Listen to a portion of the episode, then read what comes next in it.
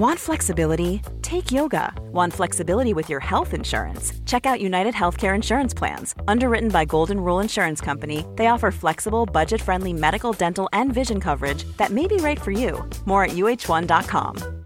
Quality sleep is essential. That's why the Sleep Number Smart Bed is designed for your ever evolving sleep needs. Need a bed that's firmer or softer on either side? Helps you sleep at a comfortable temperature? Sleep Number Smart Beds let you individualize your comfort so you sleep better together. JD Power ranks Sleep Number number 1 in customer satisfaction with mattresses purchased in-store. And now save 40% on the Sleep Number limited edition Smart Bed for a limited time. For JD Power 2023 award information, visit jdpower.com/awards. Only at Sleep Number stores or sleepnumber.com.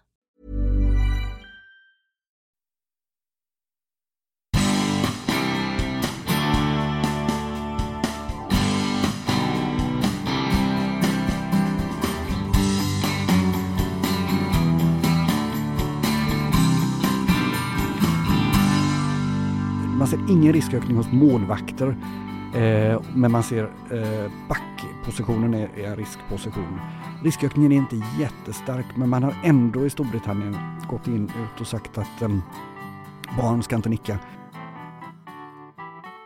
Det är extremt svårt att bli 85-90 utan att ha Alzheimer om man, om man har den här riskgenen. Utan då brukar det, eh, symptomen komma ungefär när man är, när man är 70-75 lite grann. Det finns vissa saker som, verkar, som är godartade minnesstörningar. Att glömma namn, det är någonting som är jätte, jättevanligt och som inte är kopplat med ökad risk för demenssjukdom. En gång efter en semester för några år sedan satt jag i ett möte och fattade inte vad vi pratade om. Jag blev livrädd och googlade på Alzheimer. Idag kan du genom blodprov få reda på om du har anlag för Alzheimer och om du rent av redan är på väg in i sjukdomen. Men vad ska du med resultatet till? Tillsammans med Henrik Zetterberg, professor i neurokemi, tar vi oss in i hjärnans inre i det här avsnittet.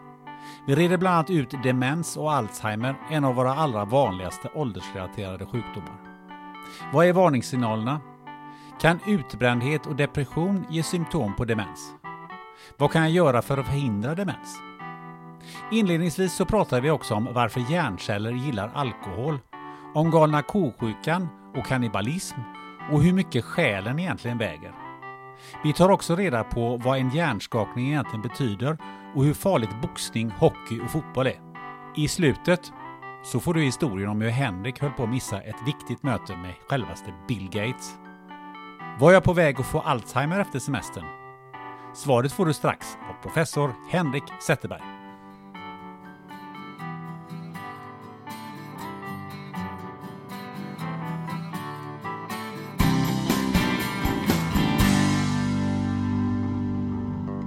Du, eh, jag tänkte på en grej. Eh, om man googlar eh, på dig så är det där vanliga Henrik Zetterberg. Det finns ju en annan eh, Henrik Zetterberg också. Det man måste är... skriva eh, neurologi eller Alzheimer eller något sånt där för att få rätt person. Mm, så är det, så är det. Det är ju den här hockeyspelaren Detroit Red Wings gamla stjärna. Eh, och han, jag trodde han skulle försvinna nu från Google, va? han är ju pensionerad ja. men eh, så är det inte utan eh, det är fortfarande så att eh, han kommer upp först med, med råge, alltså man får leta långt ner för att hitta mig. Har du möjligen träffat honom? Nej, det har jag inte gjort det faktiskt. Men jag, jag har haft lite kontakt med honom för jag har fått ganska mycket beundrarpost och mail och så eh, genom åren. Och 2004, 2005 så gjorde vi, eh, jag och min hustru, vår, vi gjorde postdoc i Boston och då var han ju som störst. Och då ehm, eh, var det ganska, alltså jag fick eh, när vi flyttade hem till Sverige så fick mina grannar höra av sig om att de hade eh, ja, presenter och, och, och sånt och skick, eh, som hade kommit till min Boston-adress. Och det var ju till Henrik Zetterberg i, i eh, Detroit Red Wings. Och bland annat så skickade jag faktiskt upp lite beundrarfoton sådana där han ville ha signaturer till hans föräldrar i Njurunda. Så när han var hemma på sommarledigt så kunde han signera och skicka tillbaka till mig så skickade jag över till de här fansen. Så jag har hjälpt honom lite, fast det vet han inte om. ja, jag har en granne som heter Håkan Hellström. Han är ju ungefär samma, samma, samma grej, situation. Ja. Men Henrik Zetterberg, välkommen till podden Spännande möte. Tack så mycket. Du är professor i neuro kemi. Ja. Stämmer va? Eh, och när vi spelar in det här eh, avsnittet så har ju då knappt nyårsraketerna slocknat. Mm. Eh, och, och då tänker jag så här, hur mår vår hjärna eh, så, så här efter att många av oss har marinerat den i socker och fett och, och, och alkohol? Jo, men den, den- den är ju kanske lite sliten och lite ur balans kan man säga. Men eh, det är faktiskt så att eh, det är troligen inte så farligt för hjärnan. För hjärnans in, ja, hjärnan reglerar ganska mycket vilka näringsämnen den tar in. Så äter vi jättemycket socker och så, så kanske det drabbar kroppen mer än, än hjärnan. För sockerintaget till exempel över hjärnan är jättestrikt reglerat med specifika eh, sock- ja, glukostransportörer över blod-hjärnbarriären. Aha. Så hjärnan är lite skyddad. Eh, Däremot alkohol passerar ju fritt, eh, det vet vi ju alla. Och, men det är faktiskt så att nervceller gillar alkohol och det är liksom inte så att nervcellerna dör av alkohol. Om man odlar nervceller så kan man hälla på ganska mycket alkohol utan att de eh, skadas. Alltså hjärnceller, för det sa man ju alltid för Ja. att nu har jag ju blivit av med mina hjärnceller när Ja, man har precis. eh, festat. Men så är det inte. Så är det inte. Det som är lite farligt, om man ska vara allvarlig och prata om alkohol och alkoholism så är det så här att om man har, om man har alkoholproblem och är alkoholist, det vill säga man är beroende och dricker jämt, eh, då ställer hjärnans nervceller in sig på närvaron av en viss em, eh, Eh, halt av alkohol. För alkohol är ett lösningsmedel som gör att nervcellsmembranen blir lite lösare. Eh, lite mer, eh, ja det blir, det blir lite Eh, man kan, men det, ja, det anpassar sig nervcellerna till. Men det farliga då, det är faktiskt när man slutar dricka abrupt. Eh, då, och det vet en person som har riktig alkoholism vet om detta. Eh, så om man slutar dricka direkt, då kan det komma krampanfall, hallucinationer. Man pratar om dille, delirium. Och det, det är en det vet, eh, och, ja, och det är faktiskt farligt på riktigt. Man kan få krampanfall och, och dö av det.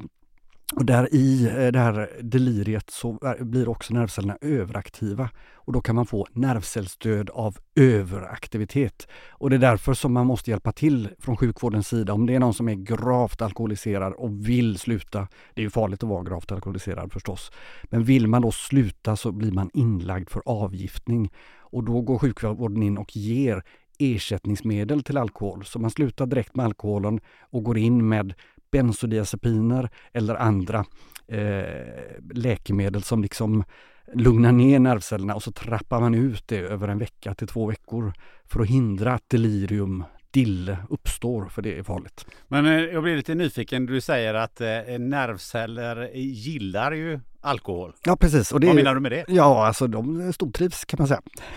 Vad- Hur då? Ja, det, det, man, man, de, de, skadas liksom inte av den här alkoholen. Men, men samtidigt får man komma ihåg att vara gravt berusad är ett farligt tillstånd. Man kan ju, man kan ju eh, skada sig eh, av det. Eh, Så det är en, men just alkoholen i sig är inte speciellt nervcellskadlig. Nej, det ser man. Men neurokemi, eh, som du är professor i, vad, vad är det för någonting? Ja, det är hjärnans eh, kemi, eh, så kan man liksom grovt eh, likna det vid. Hjärnan är ju ett organ, det blir löjligt att säga det, alla organ beror ju av kemi. Liksom. Men nervcellerna de signalerar i nätverk till varandra med elektriska och kemiska impulser. Och de här, oftast är det så att nervcellerna eh, blir aktiverade av en kemisk eh, stimulans och då får man en eh, elektrisk impuls som går ut efter nervcellsutskottet som är liksom utskottet från nervcellen för att koppla ihop med andra nervceller och sen omvandlas den elektriska signalen till en ny kemisk signal. Och den kemiska signalen, det är det vi håller på med väldigt mycket. Och sen tittar vi också på ämnesomsättning i hjärnan, särskilt hur den ändras med åldern och särskilt hur den ändras vid neurodegenerativa sjukdomar, de sjukdomar som drabbar hjärnan eh, där nervceller förtvinar. Och det kan vara till exempel Alzheimers sjukdom, Parkinsons sjukdom, ALS och i viss mån även de här neuroinflammatoriska sjukdomarna, multipel skleros och lite andra typer av inflammationer på hjärnan.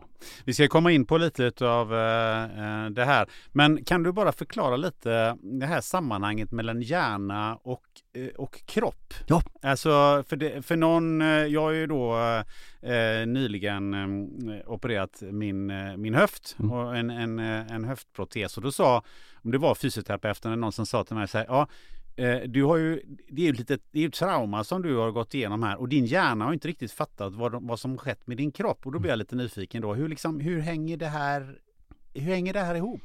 Ja, det hänger ihop jätte, jättemycket och det, detta, synen på det här har faktiskt ändrat sig de senaste tio åren lite grann. Eh, vi, när jag började det här fältet så pratade man väldigt mycket om något som kallas för blod-hjärnbarriären. Och då tänkte man sig att hjärnan är avskild från kroppen av en barriär för att skydda hjärnan från infektioner och från inflammationer ute i kroppen. Och det stämmer till viss del. Jag nämnde ju faktiskt blod-hjärnbarriären där alldeles när vi började prata här. Eh, så hjärnan reglerar sitt när, eh, näringsintag till exempel över blod-hjärnbarriären och över blod-hjärnbarriären så sker också eh, ja, export av nedbrytningsprodukter och sånt, sånt som inte ska vara i hjärnan längre. Eh, det tas ut i blodet och sen kissar man ut det eller så bryts det ner i levern eller någon annanstans. Eh, så det, det, finns ett slags avskildhet, men den avskildheten är mycket, mycket mer reglerad än vad vi har tänkt tidigare. Och sen är ju hjärnan ihopkopplad med kroppen via en extrem mängd eh, nervcellsutskott och, och, receptorer ute i huden och i leder och, och allt möjligt. Så hjärnan hämtar ju ständigt in information från ögon och öron, våra sinnen. Eh, och om vi nu tänker sig, eh, om vi nu säger att du har gått omkring och haft ont i höften här och nu har du blivit opererad. Då har man ju dels fått ett operationssår och det har också hänt saker vid leden. Eh, du har fått en ny led och nu håller hjärnan på att lära sig hur den funkar. Och hur, hur är balansen? Var någonstans är din fot nu på den opererade sidan jämfört med den vänstra sidan? Och allt sånt där håller hjärnan på att kalibrera in sig på nu. Och inkalibreringen av sådana saker, det tar tid och kräver också att man är aktiv och utmanar och liksom, och det tror jag sjukgymnasterna, de, eller så får man inte säga, fysioterapeuterna, de, de eh, är ju experter på detta. Att, lära, att få din hjärna att lära sig den nya situationen då med en ny fin höft och ingen smärta. Eh, om man tänker sig att man får covid eller influensa nu så får man ju, då blir ju, eh, det är ju en sjukdom som framförallt är i luftvägar och lungor. Men man blir ju extremt påverkad i sitt beteende. Man pratar om sjukdomsbeteendet. När man liksom har, om man har influensa och feber så vill man ju inte vara med andra människor. Utan, och det är, ju en, det är ju hjärnan som påverkas av infektionen ute i kroppen för att dra sig tillbaka, hålla sig undan så man inte smittar ner andra människor. Så lägger man sig i, ett hum, i sitt rum på en säng och så, och så väntar man tills det går över. Och det är så man vill ha det. Och det är ett annat väldigt konkret tecken på hur hjärnan påverkas av kroppen. Eh, och sen påverkas ju kroppen av hjärnan också, det får man inte heller glömma. Så det är verkligen en tvåvägskommunikation. Men eh, vad händer liksom om, de här, om kroppen och hjärnan inte riktigt förstår varandra? Ja, då, då, ja, det, det blir, då blir, mår man nog inte så bra utan då gäller det att hitta, den balans, hitta tillbaka till den balansen. Faktum är att en del utav det här kan nog vara en ganska generellt fenomen i när man plötsligt drabbas av någon form av sjukdom eller någonting annat. Att det där blir en obalans lite grann och att det är, det är del av sjukdomskänslan. Då. Eh, någonting jag funderar på är ju eh, hur, hur, kommer det sig att du kom in på det här området? Ja, det, är, det är ganska mycket en slump. Men jag, ja, under tonårstiden så blev jag nyfiken på, på eh, forskning lite allmänt och jag läste lite böcker och sådär. Eh, och då finns det en, fanns det en professor i tumörbiologi i Stockholm som heter Georg Klein. Eh, oerhört fascinerande eh, forskare och läkare som parallellt med hela sin vetenskapliga karriär skrev eh, essäsamlingar med korta eh, små stycken om olika vetenskapliga upptäckter inom medicinsk forskning framför allt. Inte minst genetik och virologi och immunsystemet och sådant. Och då skrev han om upptäckterna och han skrev också om eh, människorna bakom upptäckterna. Eh, och jag tyckte det var så väldigt, väldigt fascinerande. Och, och på något vis så, eh, även om Georg Klein var känd för att vara en ganska eh, vad ska jag säga, lite intellektuellt utmanande person så, så, lyckades han i alla fall för min del fånga, eller få mig att känna att Eh, det där var en spännande värld. Tänk om man kunde bli en del av denna värld. Tänk om det här kunde bli en del av ens yrkesliv, att man faktiskt var med och gjorde experiment och forskade på saker och testade olika grejer och kom fram, eh, fram till någonting som man eh, liksom kunde tolka och tänka på sådär. Så, och då hade han, eller någon, jag vet inte vem det var som sa det, men om man var intresserad av det där så var det någon som sa till mig att läkarprogrammet är liksom det program som är bäst för att, eh, om, om man vill göra detta. Så då försökte jag komma in på det och så började jag här i Göteborg och plugga. Och ganska snabbt så sökte jag mig till, ett, till virologen, viruslabb, jag hörde av mig och sa att jag efter ett par terminer att jag nu var, kände mig redo för att följa med i en forskargrupp. Och då gjorde man det, liksom, jag gjorde det bara vid sidan av sådär lite grann på somrar och eh, så. Och sen hade man på Sahlgrenska akademin också något som hette eh, Prova på forskningsstipendier. Så då kunde jag försörja mig lite på det. Det blev ungefär som ett sommarjobb. Men, eh, eh, men sen hamnar du in i neurologi, för Just du tar virologi nu. Och så... Precis, och det är där som, det, jag glömde att fullfölja detta. Det var en slump alltså. Så jag gjorde min avhandling på Epstein-Barr-virus som ger körtelfeber. Eh, och det kan också ge en viss form av blodcancer. Och när jag satt och skrev ihop min avhandling så kom en neurokemist som heter Kai Blenov till vår forskargrupp. Och han kom till oss för att lära sig att klona gener. Eh, och klona gener det måste man kunna göra om man vill, om man vill uttrycka eh, proteiner eh, som kanske har relevans i hans fall för hjärnsjukdomar för att kunna bygga mätmetoder för att mäta de här proteinerna i, med känsliga metoder i kroppsvätskor från patienter. Det var hans idé. Han ville liksom se om man kunde, ungefär som man mäter hjärtskademarkörer vid hjärtinfarkt så ville han kunna mäta hjärnskademarkörer vid hjärninfarkt eller hjärnskada. Eh, så han kom och lärde sig kloning av oss och så satt han alldeles till vänster om mig i sådana skriv, i sådana rum med mycket skrivbord. Och jag skrev på min avhandling och var väl lite uttråkad av det måste jag erkänna. Och han pratade om hjärnan och hur det var liksom massa fascinerande sjukdomar där. Och sen finns det en koppling mellan eh, som tilltalade mig väldigt mycket. Det finns en hjärnsjukdom som är extremt fascinerande som heter Creutzfeldt-Jakobs sjukdom. Och det är en... Eh, när jag pluggade så upptäckte man ganska mycket av mekanismerna bakom detta. Och det, det är galna ko-sjukan va? Exakt, exakt. Ja, du, du vet, det är ja. fantastiskt. Galna ko-sjukan. Och då var det en forskare som hette Stanley Prusiner som visade att den orsakas av Först trodde man att det var någon form av infektion och många trodde att det var ett långsamt virus som långsamt bröt ner hjärnan. Och långsamt är ju inom citationstecken för det går jättefort den sjukdomen. Ehm, men han visade istället att det är inget virus. Det är ett smittsamt protein. Och han visade också att detta protein Gör, alla vi gör det här proteinet. I vanlig nervcellsomsättning så bildas detta proteinet i nervcellskopplingarna. Men det har en liten olycklig eh, form, struktur så det kan väcka om sig och bli som en spjutspets som kan väcka om andra prionproteiner. Och så, blir det i, eh, så sker det i en självkatalyserande, självförstärkande kaskad. Så när det har hänt en gång så sprider det sig via eh, hjärnan i en rasande fart och de här spjutspetsformade prionproteinerna eh, dödar nervcellerna en efter en. Det bara, de faller precis som det är som en skogsbrand. Eh, och eh, det där tyckte jag var extremt fascinerande. Och precis när Kai kom till, till eh, vår forskargrupp så eh, visade det sig också att vid Alzheimers sjukdom så har man en liknande mekanism. Då har man ett protein som kallas för betamylid som alla vi bildar och som normalt sett har en ganska rund och vattenlöslig form och som kommer ut ur nervcellerna och kanske har en, vissa fysiologiska funktioner i omsättningen av nervcellskopplingar. Men det kan också väcka om sig och bli då vattenolösligt och självhäftande och bygger på sig i klumpar som växer och växer och växer tills de har en storlek av kanske två, tre nervceller i diameter. Och så försöker hjärnan städa sig eller mikroglia käka upp de här felväckade proteinerna men det går liksom inte riktigt.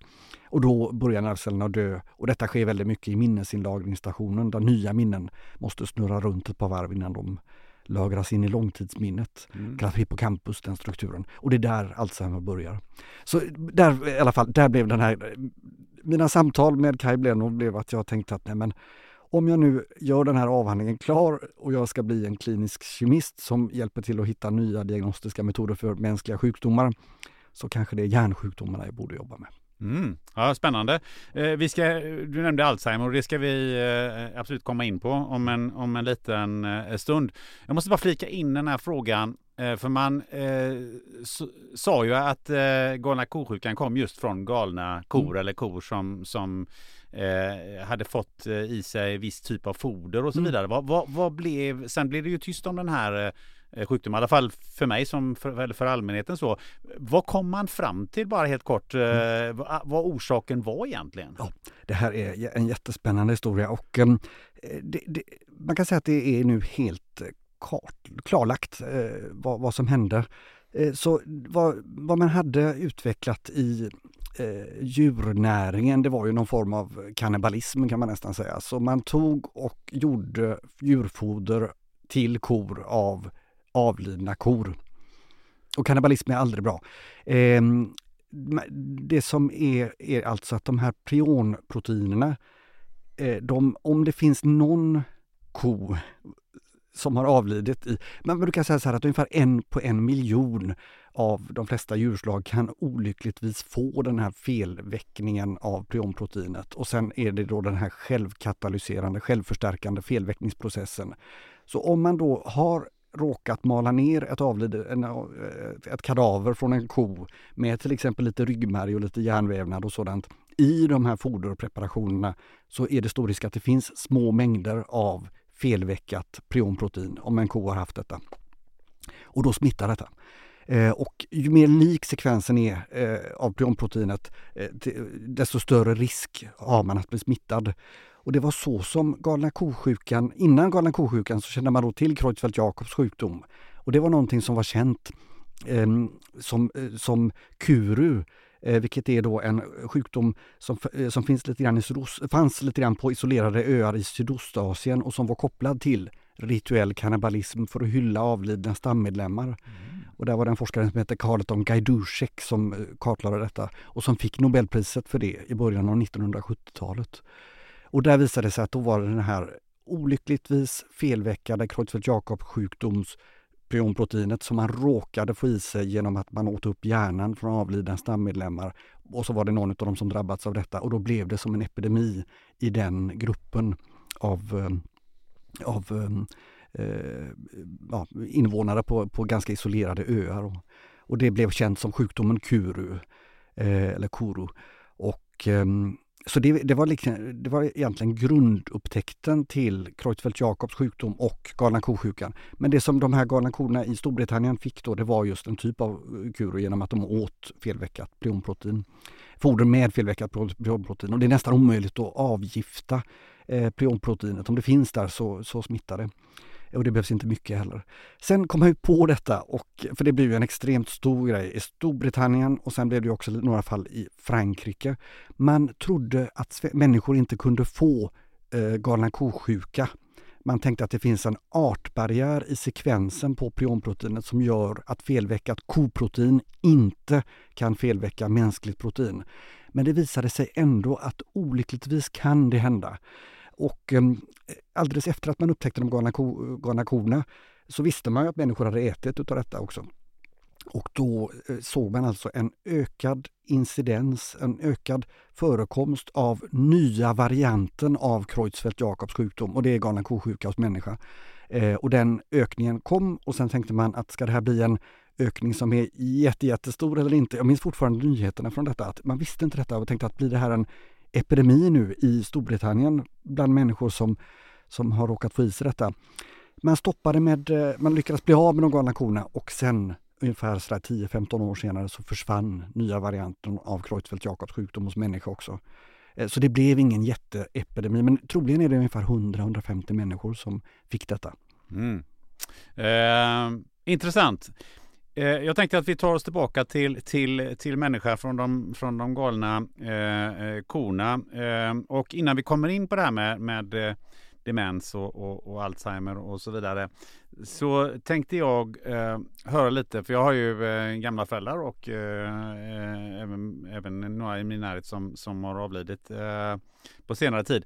Och då blir man ju inte sådär fundersam på kring vad händer när en människa dör? Mm. Jag funderar på. Vad, vad, vad händer i hjärnan på en människa som precis håller på att dö? Har du, några, mm. har du någonting du kan berätta om det? Nej, alltså de av er som har eh, varit med när en människa dör, det är, det är en extremt speciell upplevelse och det är sån stor skillnad före och efter sista andetaget på något vis. Och det har ju funnits eh, en del som har tänkt att, ja, men det, eller det, på något vis för min del, nu låter ju detta helt flummigt och ovetenskapligt, men det känns ju verkligen som att någonting lämnar kroppen. Alltså det är ju den, den känslomässiga känslan. Eh, och den tanken tänker jag att den kan man gott ha. Jag, jag, även jag som vetenskapsperson tänker att det kan det kanske kan vara något sånt. Det finns faktiskt eh, eh, forskning där man har försökt att väga själen. Man har vägt människor under Eh, som är på väg att dö och sen precis i dödsögonblicket försökte säga att eh, men det här är ju inte seriös eller det var menat som seriös forskning men det var, visade sig vara totalt eh, kom man fram till att vä eh, själen väger eh, 16 gram eller något sådant. Men det var troligen helt fel alltsammans. I alla fall så när, man, när hjärtat slutar slå så slutar ju blodtillförseln till hjärnan och då vad som händer är ju att nervcellerna sprakar loss lite grann och sen så dör de av helt enkelt. Och då försvinner aktiviteten. Och definitionen på att vara död som människa det är ju faktiskt att man är hjärndöd, det vill säga att man inte kan registrera någon nervcellsaktivitet. Och det är därför som man också kan donera organ faktiskt. Om hjärnan, är av, eh, inte sak, eh, om hjärnan helt saknar aktivitet så är människan död. Det är liksom så som vi ser på det i sjukvården. Eh, då kan hjärtat fortfarande slå förstås. Så håller man igång hjärtat så kan man ju eh, fixa organdonation och sådant också jättebra.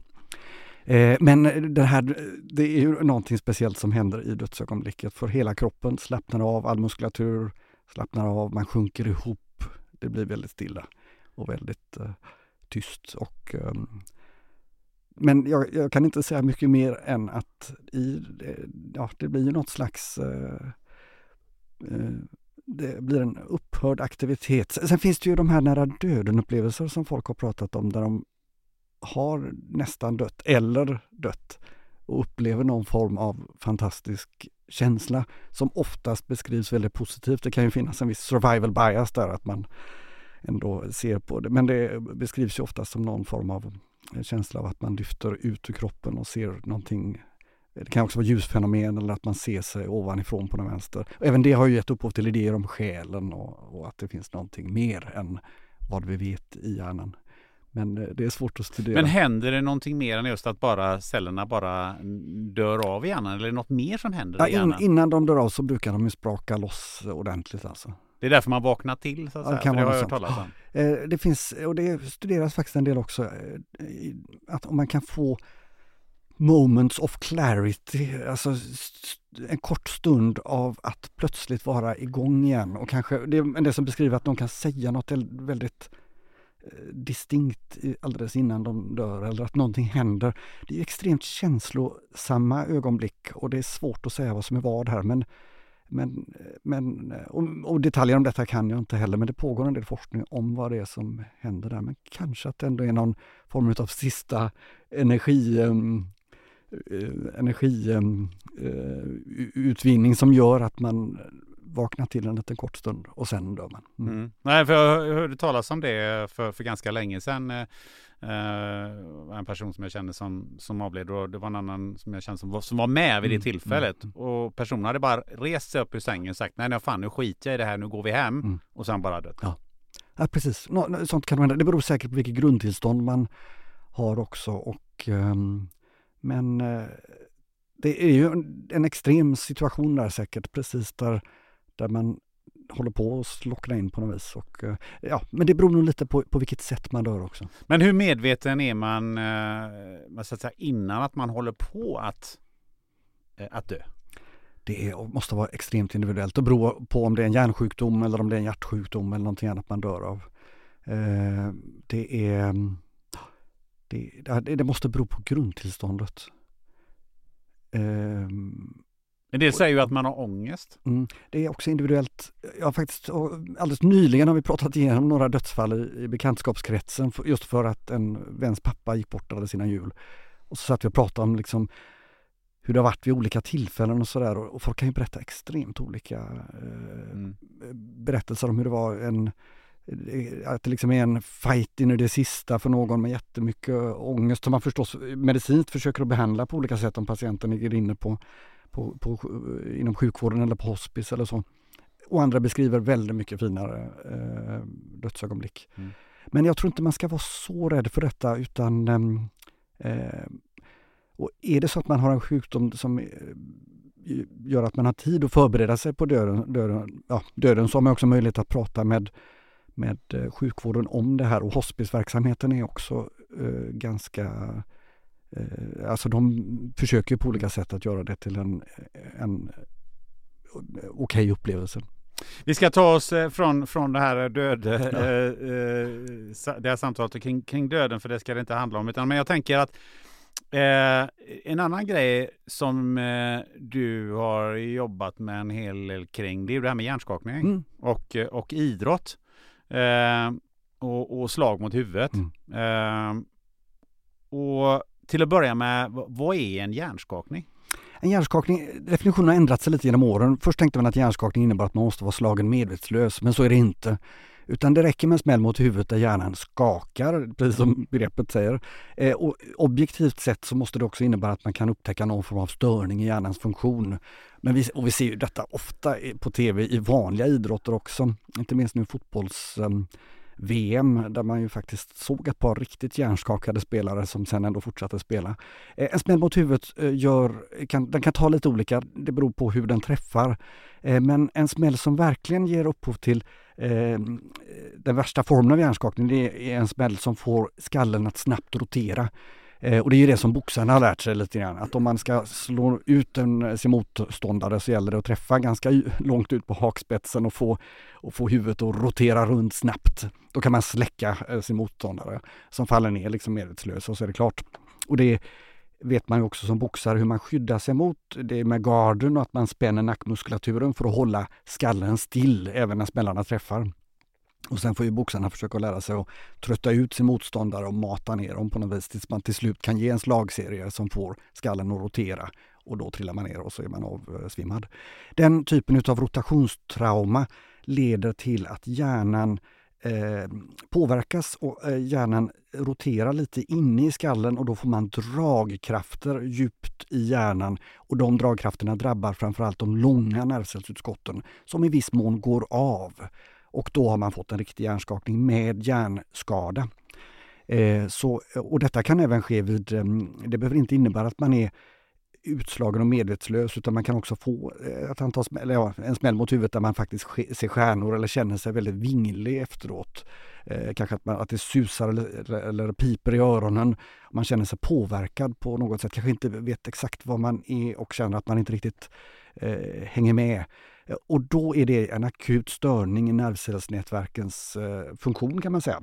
Utifrån smällen eh, som har träffat eh, skallen och påverkat hjärnan. Och då är lite grann budskapet från vårt håll nu. Förut sa man att en sån stjärnsmäll, då, då kunde man få gå av, kvickna till lite grann och sen gå in och fortsätta spela. Men det brukar vi avråda ifrån nu. Och de flesta sporter har sådana hjärnskakningsregler. Att har man fått en sån smäll mot huvudet så går man av planen och inte med mer. Eh, sen är det lite olika mellan olika sporter hur länge man ska åter eh, man ska vänta innan man får gå tillbaka till en sport. För man har alltså en nervcellsskada efter en sådan smäll. Och det tar tid innan hjärnan hinner kalibrera om. Och man har lite ökad risk att få nya smällar eh, om man inte är riktigt eh, på topp. I alla fall i sporter där man måste vara extremt eh, på tårna och hela tiden ha koll på massa medspelare och, bollen och, eller pucken eller vad det kan vara. Eh, och eh, då eh, brukar de flesta sporter använda sig av något som kallas för hjärntrappan. Så man får en smäll mot huvudet, man mår inte riktigt bra, man tas av banan och sen dagen efter så om man, om man har huvudvärk och inte mår bra dagen efter så ska man vila. Eh, när huvudvärken börjar släppa, ja då får man gå tillbaka till lätt träning. Om den lätta träningen gör att man får tillbaka huvudvärken eller blir yr, kanske kräks eller mår illa eller så, då, slut, då tar man ett steg tillbaka och då vilar man igen. Och sen så eh, tar man det som trappsteg och så fort man har ett bakslag på ett trappsteg så tar man ett steg tillbaka och detta ska ta 7 till 10 dagar ungefär. Så det, man ska vara lite försiktig med återkomsten efter spel. Och idén med hjärntrappan är att man på ett enkelt sätt ska kunna säga att det eh, var en smäll mot huvudet med hjärnpåverkan, då kallar vi det för hjärnskakning. Man går in på hjärntrappan och sen ser man till att, man, att hjärnan hinner återhämta sig innan man igen ger sig in i den sport där det ofta krävs extrem hjärn funktion för att liksom eh, kunna delta fullt ut och inte få nya smällar. Eh, det som är riktigt, en, man brukar säga en hjärnskakning är inte så farligt. Men det som hockeyspelare, eller framförallt om vi verkligen tar extremsporten, boxare, men även hockeyspelare, amerikanska fotbollsspelare och så. De, det är många som kan beskriva att de fått en hjärnskakning, sen fick de en till och så försökte de vila sig, de var inte riktigt bra efteråt. Sen så kom de ändå tillbaka och var någorlunda bra, så fick de en tredje smäll och sen kanske en fjärde smäll som inte var så svår gör att plötsligt så försvinner inte symptomen och man är liksom oh, skadad på riktigt. Och det, I Sverige så är det väl så att vi har de, de flesta vi känner till eh, av eh, sportmän och kvinnor, det är ju hockeyspelare. Men det är också till exempel Frida Wallberg med sin boxning och sådant. Det är ju folk som har fått riktig hjärnskada av upprepade smällar mot huvudet. När du är inne på det här med boxning, mm. För jag vet ju att du, du har ju eh, lite, du har ju till och med sagt så här att, att eh, RF premierar hjärnskador har jag, har jag sett i någon, någon, någon film och stuckit ut hakan på det sättet. Vad, vad, vad, anser du om, om den här typen av, eh, av kampsport, hur man ska hantera den? Mm, jag, jag, vet jag tror att jag har mildrats lite med åren men det, man får vara medveten om att de här sporterna som innefattar medvetna slag eller sparkar mot huvudet går ut på att hjärnskada sin medspelare. Eh, och, eh, och, jag har träffat många boxare nu genom åren och det är många som älskar sin sport och eh, är medvetna om detta. Och eh, hade jag gått in i en boxningsring och mött någon av dem så hade jag ju jag hade ju dött alltså, tror jag. Jag menar de, de säger ofta att de, de är tränade att gå upp i ringen och det är verkligen, det är väldigt mycket teknik förstås.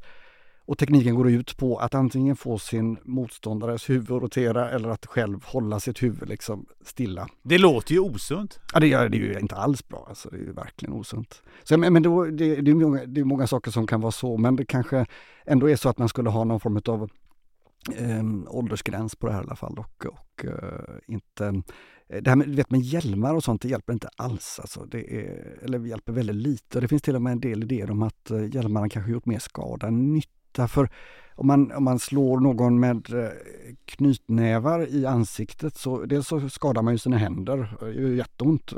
Och sen så kan man också orsaka cuts eller att man eh, slår upp ögonbrynet eller gör, krossar näsan eller något sådant och så blir det att matchen avbryts på grund av det. Och att få en näsa krossad är ju inte farligt för hjärnan. Eller om man slår ut tänder på någon eller, eller slår upp ögonen eller så. Men, men ögonbrynen och så. Så eh, det kan hända att de här handskarna och lite skydden och eh, huvudskydden och sådant har gjort att man inte fått de typerna av skador men att man istället har fått mer och mer tunga upprepade smällar mot huvudet. Och så är ju nack, nacken är ju rätt dålig på att hålla huvudet still. Eh, så boxning är nog den värsta sporten, den vanliga boxningen. MMA blir oftast, får ofta dålig publicitet eh, i media eh, och då är det ofta på grund av matcher där man till exempel har sett någon har legat ner och någon, har, någon annan eh, motståndare har suttit ovanpå och matat slag mot huvudet. Men i det läget så mm, finns det också tekniker, så den som ligger ner ligger och fixerar sin skalle mot mattan. Håller skallen stenhårt mot mattan medan den som sitter ovanpå försöker att få skallen att rotera med slag. Men det är väldigt svårt när någon ligger ner och håller huvudet mot, utan då blir det igen istället att man kanske slår upp ögonbryn, man kanske får näsan att, att mosas eller börja blöda. Eller att man till och med lyckas slå ut några tänder om, om man får tandskyddet ur, ur läget. Och det är ofarligt för hjärnan, det bara ser läskigt ut. Eh, man blir ju jätteful av det förstås men, men, eh, men det är inte farligt för hjärnan. Så på sätt och vis så är men den farligaste grejen i MMA förstås, det är väl om man, man har två stående eh, utövare och så får någon till en riktig jäkla spark med en hakspetsträff med en häl eller något sånt där man får den här enorma rotationen eller kraften på. Och det, de smällarna kan bli extrema. Så det är klart att eh, de här sporterna har sina, sina eh, olika sidor som är... Det, det, som jag spontant har lite svårt för det är just att det är att, man, att, det, är, att det är medvetet, va? att man ska, ska försöka att slå ut sin Eh, medspelare får man säga då genom att orsaka en hjärnskada. Det är extremt svårt att kontrollera vad som är en farlig eller ofarlig hjärnskada. Men eh, jag tänker på eh, barn och ungdomar och deras föräldrar. Är de medvetna om det här som du säger just nu? Man kan ju prata om det på det här viset och jag tycker absolut att man på boxningsklubbar ska gå igenom detta tydligt när man har sina samlingar och så. Att, vad sporten går ut på, sportens historik lite grann och vad, vad så att man får med sig det och sen kan man eh, då bestämma. Men på något vis så känns det som att de sporter som innefattar slag och sparkar mot huvudet, eh, där borde man ju ändå vara lite, man borde väl vara myndig när man börjar med det, tänker jag. Så ja. att det inte blir någon förälder som pushar in sin stackars unge i detta. För, för om du säger till en förälder, ja men nu går ditt barn till en sport så är det medvetet, där man medvetet ska skapa hjärnskador. Mm.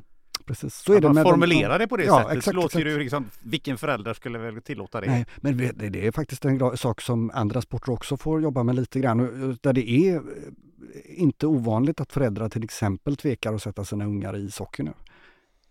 Det är, men det gör man ju inte medvetet att nej, man det är inte, men, ska slå ut någon. Men samtidigt så ser man på elitserien i hockey där, liksom två, där det alldeles nyss var en match där, liksom där, där, där det blir någon slags storslagsmål mellan vuxna människor på en is som en puck. Och, och, man bara skäms så att man vill dö när man ser det liksom. Men är det farligt för hjärnan? Ja men då ser man hur, ja, alltså man, då blir det här att man tar av sig handskar, får av sig hjälmen och försöker att ha någon slags boxningsmatch. Men det är lite lustigt för på isen är det svårt att få till riktigt kraftfulla träffar för det är ju lite halt. Alltså det är, eh, men just de här att, att sporter har de momenten, att det är helt okej okay att ha slagsmål på isen. Jag menar det, är så skämmigt så att man dör du sa så här att eh, eh, sporterna är ganska bra på nu att, att hindra mm. eh, spelare att fortsätta. Men samtidigt så nämnde du VM eh, nu mm. då. Och jag vet ju att, eh, jag tror att det var för, eh, om det var för åtta år sedan som, jag tror att det var i finalen, så var det ju en, om det var en tysk spelare som som fick en rejäl smäll i början av, av eh, matchen och sen fortsatte och, och, efter några minuter sprang han till domaren och frågade vilken match är det vi spelar egentligen?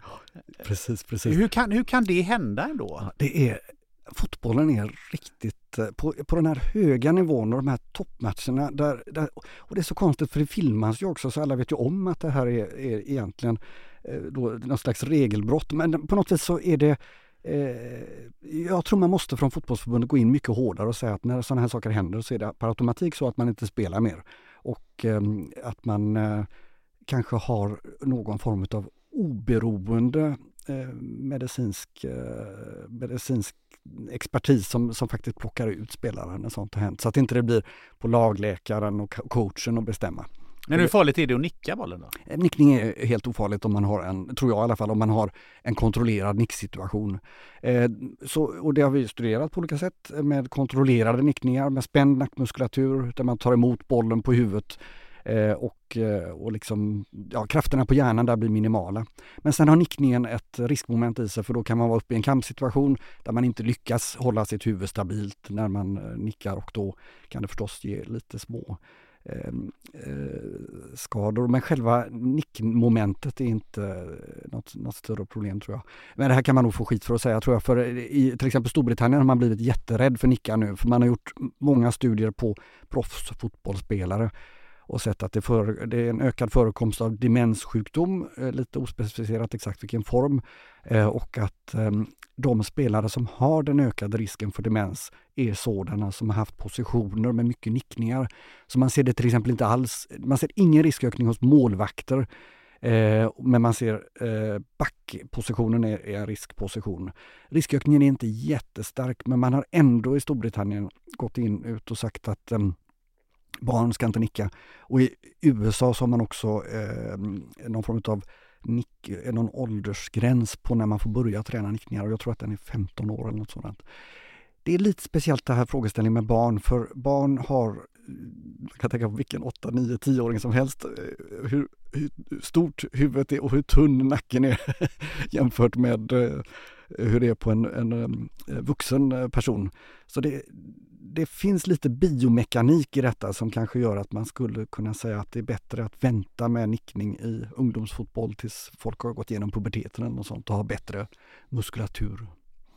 Eh, slutligen eh, i det här ämnet. Det finns ju rätt många läkare som, som är inom framförallt inom kampsport och inom boxning och så vidare och som som kanske många gånger säger att ja, men det är inget farligt eller eh, det är, det är okej okay och, och Eh, det är sällan man blir skador och så vidare. Varför är det så stor skillnad mellan hur man uppfattar det här? Jag tror att det har ändrat sig väldigt mycket. Även boxningsförbundets läkare är mycket mer på tårna vad gäller eh, eh och brukar poängtera vikten av att ha tid för återhämtning. Eh, så sporten har eh, det är så det är därför jag är mindre eh, ett, ett tag så tyckte jag att eh, ja, boxningen har det här inneboende problemet och kampsporterna med, som tillåter sparkar och slag mot huvudet. Att, att det är medvetna handlingar och så. Men samtidigt så har den medicinska professionen förstått att det är farligt att, att få för mycket smällar mot huvudet och för tätt. Så upprepade hjärnskakningar för tätt kan ge upphov till kronisk traumatisk hjärnskada och det är väl det som en del av våra hockeyspelare har berättat om nu. Och som många ishockeyspelare i NHL och amerikanska fotbollsligan har. Och problemet är ju att sjukdomen Eh, då, hjärnskakningssymptomen försvinner inte efter den sista hjärnskakningen utan de blir värre med tid. Och då har man också sett att det har blivit en neurodegenerativ sjukdom av detta och den kallas för kronisk traumatisk encefalopati som innefattar felväckning av proteiner ungefär som vid Alzheimer fast på andra regioner i hjärnan. Och då har liksom sjukdomen gått, den har initierats av de upprepade smällarna och sen progrederar den eller fortskrider av sig självt. Och det är det som alla är inne på att försöka förhindra. Och det vill även boxningsläkarna förhindra genom att se till att, eh, att man jobbar på att, eh, att de boxare som har fått mycket smällar mot huvudet ska, inte ska boxas igen förrän hjärnan har läkt färdigt bättre. Och, och det finns, där, så där finns det säkert eh, mycket goda intentioner. Men jag har fortfarande lite svårt för sporterna som sådana på grund av just det här eh, att det är medvetna handlingar som... Ehm, Men blott den risken mm. att få det här, för sen är det ju liksom kört, antar jag. Ja, det är inte bra om de här om symptomen inte går över och särskilt om de blir värre och värre med tid. Då, då är det, men det är ovanligt, det får man säga. Och eh, även de som har eh, problem efter upprepade hjärnskakningar. Ehm, det var ju alldeles nyss en handbollsspelare ute i GP till exempel och berättade om sina symptom. De är stationära och i hans fall så blir det också lite bättre med tiden. Han har lärt sig att leva med detta.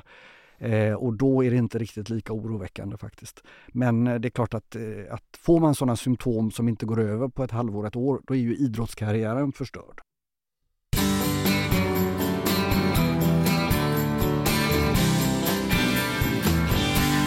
Saknar du någon som tar helhetsgrepp om din hälsa? När du tecknar FunMeds medlemskap så ser vi hela dig. Tillsammans med din funktionsmedicinska läkare så skapar du en plan för kost, näring och livsstil baserat på avancerade labbtester och ett holistiskt synsätt. Sen får du stöd av ett dedikerat vårdteam med hälsocoach, läkare och kontaktperson.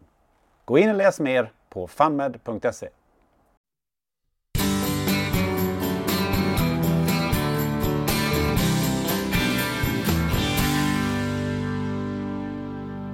Ja, såklart. Eh, nu har du nämnt eh, Alzheimer och, och, eh, vad kallar du för neurodegenerativa sjukdomar? Sjukdomar, ja. neurodegenerativa sjukdomar, precis. Ja. Det är det här samlingsbegreppet bakom eh, många av de sjukdomarna som innefattar nervcellsförtvining. Förklara då. Vad är Alzheimer och vad är demens? För det är lite sådär som man mm. använder de här begreppen i, i dagligt tal. Mm.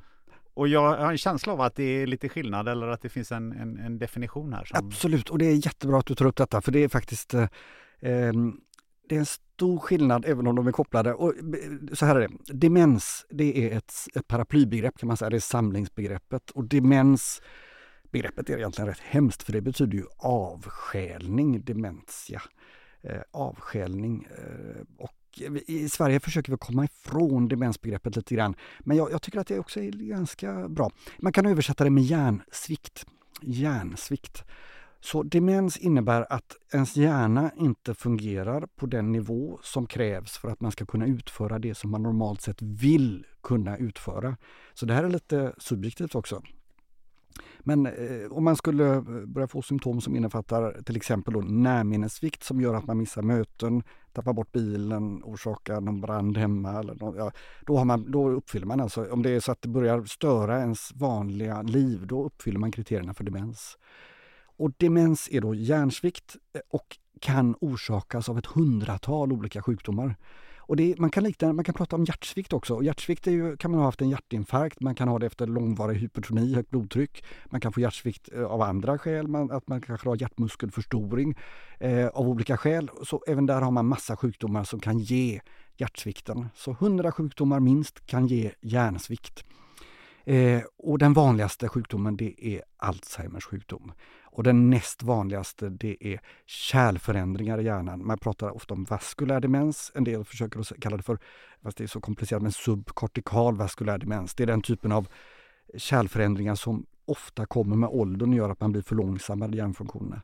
Och den tredje vanligaste det är pannlobsdemens eller leverkroppsdemens, det beror vilken forskare man frågar. Eh, och eh, Sen finns det också många andra orsaker som gör att om man får demenssymptom, det vill säga symptom på hjärnsvikt, att det kan vara bra att uppsöka sjukvården och berätta om detta. För då gör man en basal demensutredning på vårdcentralsnivå och då utesluter man sköldkörtelhormonsbrist för det kan göra att man blir förlångsammad i hjärnan och får demensliknande symptom, kanske med närminnesvikt eller att man känner sig deprimerad och så. Vanlig psykiatrisk depression, alltså den depression som kanske 20-30 procent av alla oss någon gång får i livet, det kan ge väldigt demensliknande symptom, särskilt om den är kopplad till utmattning och, och, och stress. Eh, och det är också ju behandlingsbart och någonting man lätt kan få, eh, få lätt, herregud, men men någonting man kan få bukt med alltså. Så det är bra att upptäcka och bra att få kläm på. Eh, och hjälp från sjukvården för att komma ur. Eh, sen har vi B12-brist. Högt kalcium i blodet kan också ge en nervcellsfunktionsförsämring och förlångsamning som kan ge demenssymptom. Eh, vattenansamling i hjärnan, normaltryckshydrocefalus, det upptäcker man lätt om man gör en skiktröntgen av hjärnan. Och, det, då får man, har man, och det är inte helt ovanligt hos 60, 65, 70-åringar att man har lite för mycket järnvätska som man då kan dränera bort med en speciell shunt. Eh, och det är bra att upptäcka. Då kan man reversera hela bilden. Och sen kan det då till slut bli att det sannolikt är en Alzheimers sjukdom eller så. Och då finns det symptomlindrande läkemedel och många läkemedel på gång också. Eh, men varför får man Alzheimer? Det är en bra fråga och eh, man kan säga att Alzheimers sjukdom, eh, den, mest, den viktigaste riskfaktorn är ärftlighet. Och då finns det en riskgen som heter apolipoprotein E, epsilon 4, som kanske 15-20 procent av alla svenskar. Så många? Ja, absolut. Eh, och det innebär en riskökning om man har den i, man har ju dubbla genuppsättningar, om man har en enkel genuppsättning, om man har en enkel um, om man har haft en enkel kopia av epsilon 4-allelen så är riskökningen 3-4 gånger. Och har man dubbel uppsättning, vilket en 2% har ungefär, 1-2 så har man en tiofaldig riskökning. Det är extremt svårt att bli 85-90 utan att ha Alzheimer om man, om man har den här riskgenen. Utan då brukar det, eh, symptomen komma ungefär när man är, när man är 70-75 lite grann. Eh, den molekylära orsaken till Alzheimers sjukdom det är ansamlingar av ett protein som heter betamyloid i hjärnvävnaden. Men din omedelbara fråga där är varför får man sådana ansamlingar? Av? Vi får återkomma till det. Och det, det, är, det är kopplat till apolipoprotein epsilon 4, också, eh, epsilon 4 men den, eh, det är lite oklart exakt varför det blir på det här viset. Men de här klumparna av betamyloid de av oss som får Alzheimer, de, då, vi får sådana här klumpar av betamyloid. Och de kommer typiskt 15 till 20 år innan man är dement av Alzheimers sjukdom. Klumparna är av ett protein, eller består av ett protein som heter betamyloid som normalt sett ska binda till nervcellskopplingar som ska tas bort. För det är en väldigt viktig del i, nerv, i hjärnans funktion. Att kunna förstärka, bilda nya kopplingar men också ta bort kopplingar som man inte använder. Eh, och där, har man, där verkar betamyloiden ha en funktion. Den signalen till nervcellskopplingar att de ska tas bort. Kommer, då kommer betamyloin att binda till de nervcellskopplingarna tillsammans med komplementprotein. Och det är ett eh, annat protein som, som har lite grann med immunförsvaret att göra. Men då aktiveras hjärnans ätarceller, mikroglia, som plockar bort kopplingen på ett, på ett reglerat sätt.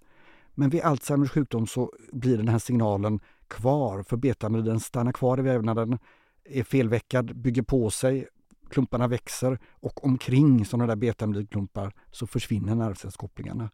Och, och de här, den här felväckningskaskaden är precis som vi, för prionproteinet en självförstärkande process. Så ett plack smittar normalt betamyloid och så uppkommer ett nytt plack och så kommer de att spridas över hjärnan och ansamlas och så blir det färre och färre nervcellskopplingar. Och detta börjar i den station i hjärnan eh, som finns om man går in i örat eh, djupt inåt uppåt så ligger hippocampi, två stycken sjöhästformade strukturer i hjärnan där nya minnen ska snurra runt ett par varv innan de läggs in i långtidsminnet. Och där bildas det mycket betamyloid som en del i den normala omsättningen av synapser som måste ske i denna station. Men klumparna av betamyloid som inte försvinner utan istället bygger på sig gör att man får en avlövning av det vi kallar för det synaptiska nätverket i hippocampus. Och till slut, när man blir dement av Alzheimers sjukdom så är hälften av hippocampi, det finns två stycken, de här sjöhästformade strukturerna, hälften är borta och den andra hälften är full av sådana här klumpar. Och då kan man inte lagra in nya minnen. Så den rena Alzheimern är när, börjar med närminnessvikt. Allt annat kan funka normalt, man har kvar sin personlighet, man, man eh, minns gamla saker, men man tappar bort sig då och då. Och så blir detta värre och till slut så kan man inte minnas nya minnen. och då eh, kan man fortfarande ha kvar sin personlighet och man kan plocka fram gamla minnen. Men när man plockar fram gamla minnen så blir det ofta, då ska de egentligen lagras in på nytt. Eh, de omstöps lite grann i den normala hjärnan och den funktionen blir också störd. Sen sprider sig sjukdomen från hippocampus och den regionen i temporalloberna upp över parietallober och även till slut till fram, framloberna och då tillkommer nya symptom. Så om Alzheimer börjar med nervminnessvikt så kan det sen bli att man får problem att räkna eller kanske en del sådana här saker som att eh, hur, hur gör man egentligen när man skruvar upp en IKEA-möbel? Det kan vara svårt ibland också eh, normalt. Eh, men sen kan det bli att man kanske får lite svårt att knäppa knapparna på skjortan på ett bra sätt och det är svårt att säga varför. man vet hur man borde göra men det går ändå inte. Och sen i slutfasen av Alzheimers sjukdom så har man inget närminne man börjar få personlighetsstörningar på grund av att pannloben börjar drabbas. Och det är då det tillkommer symptom som gör att det kan bli väldigt svårt för anhöriga.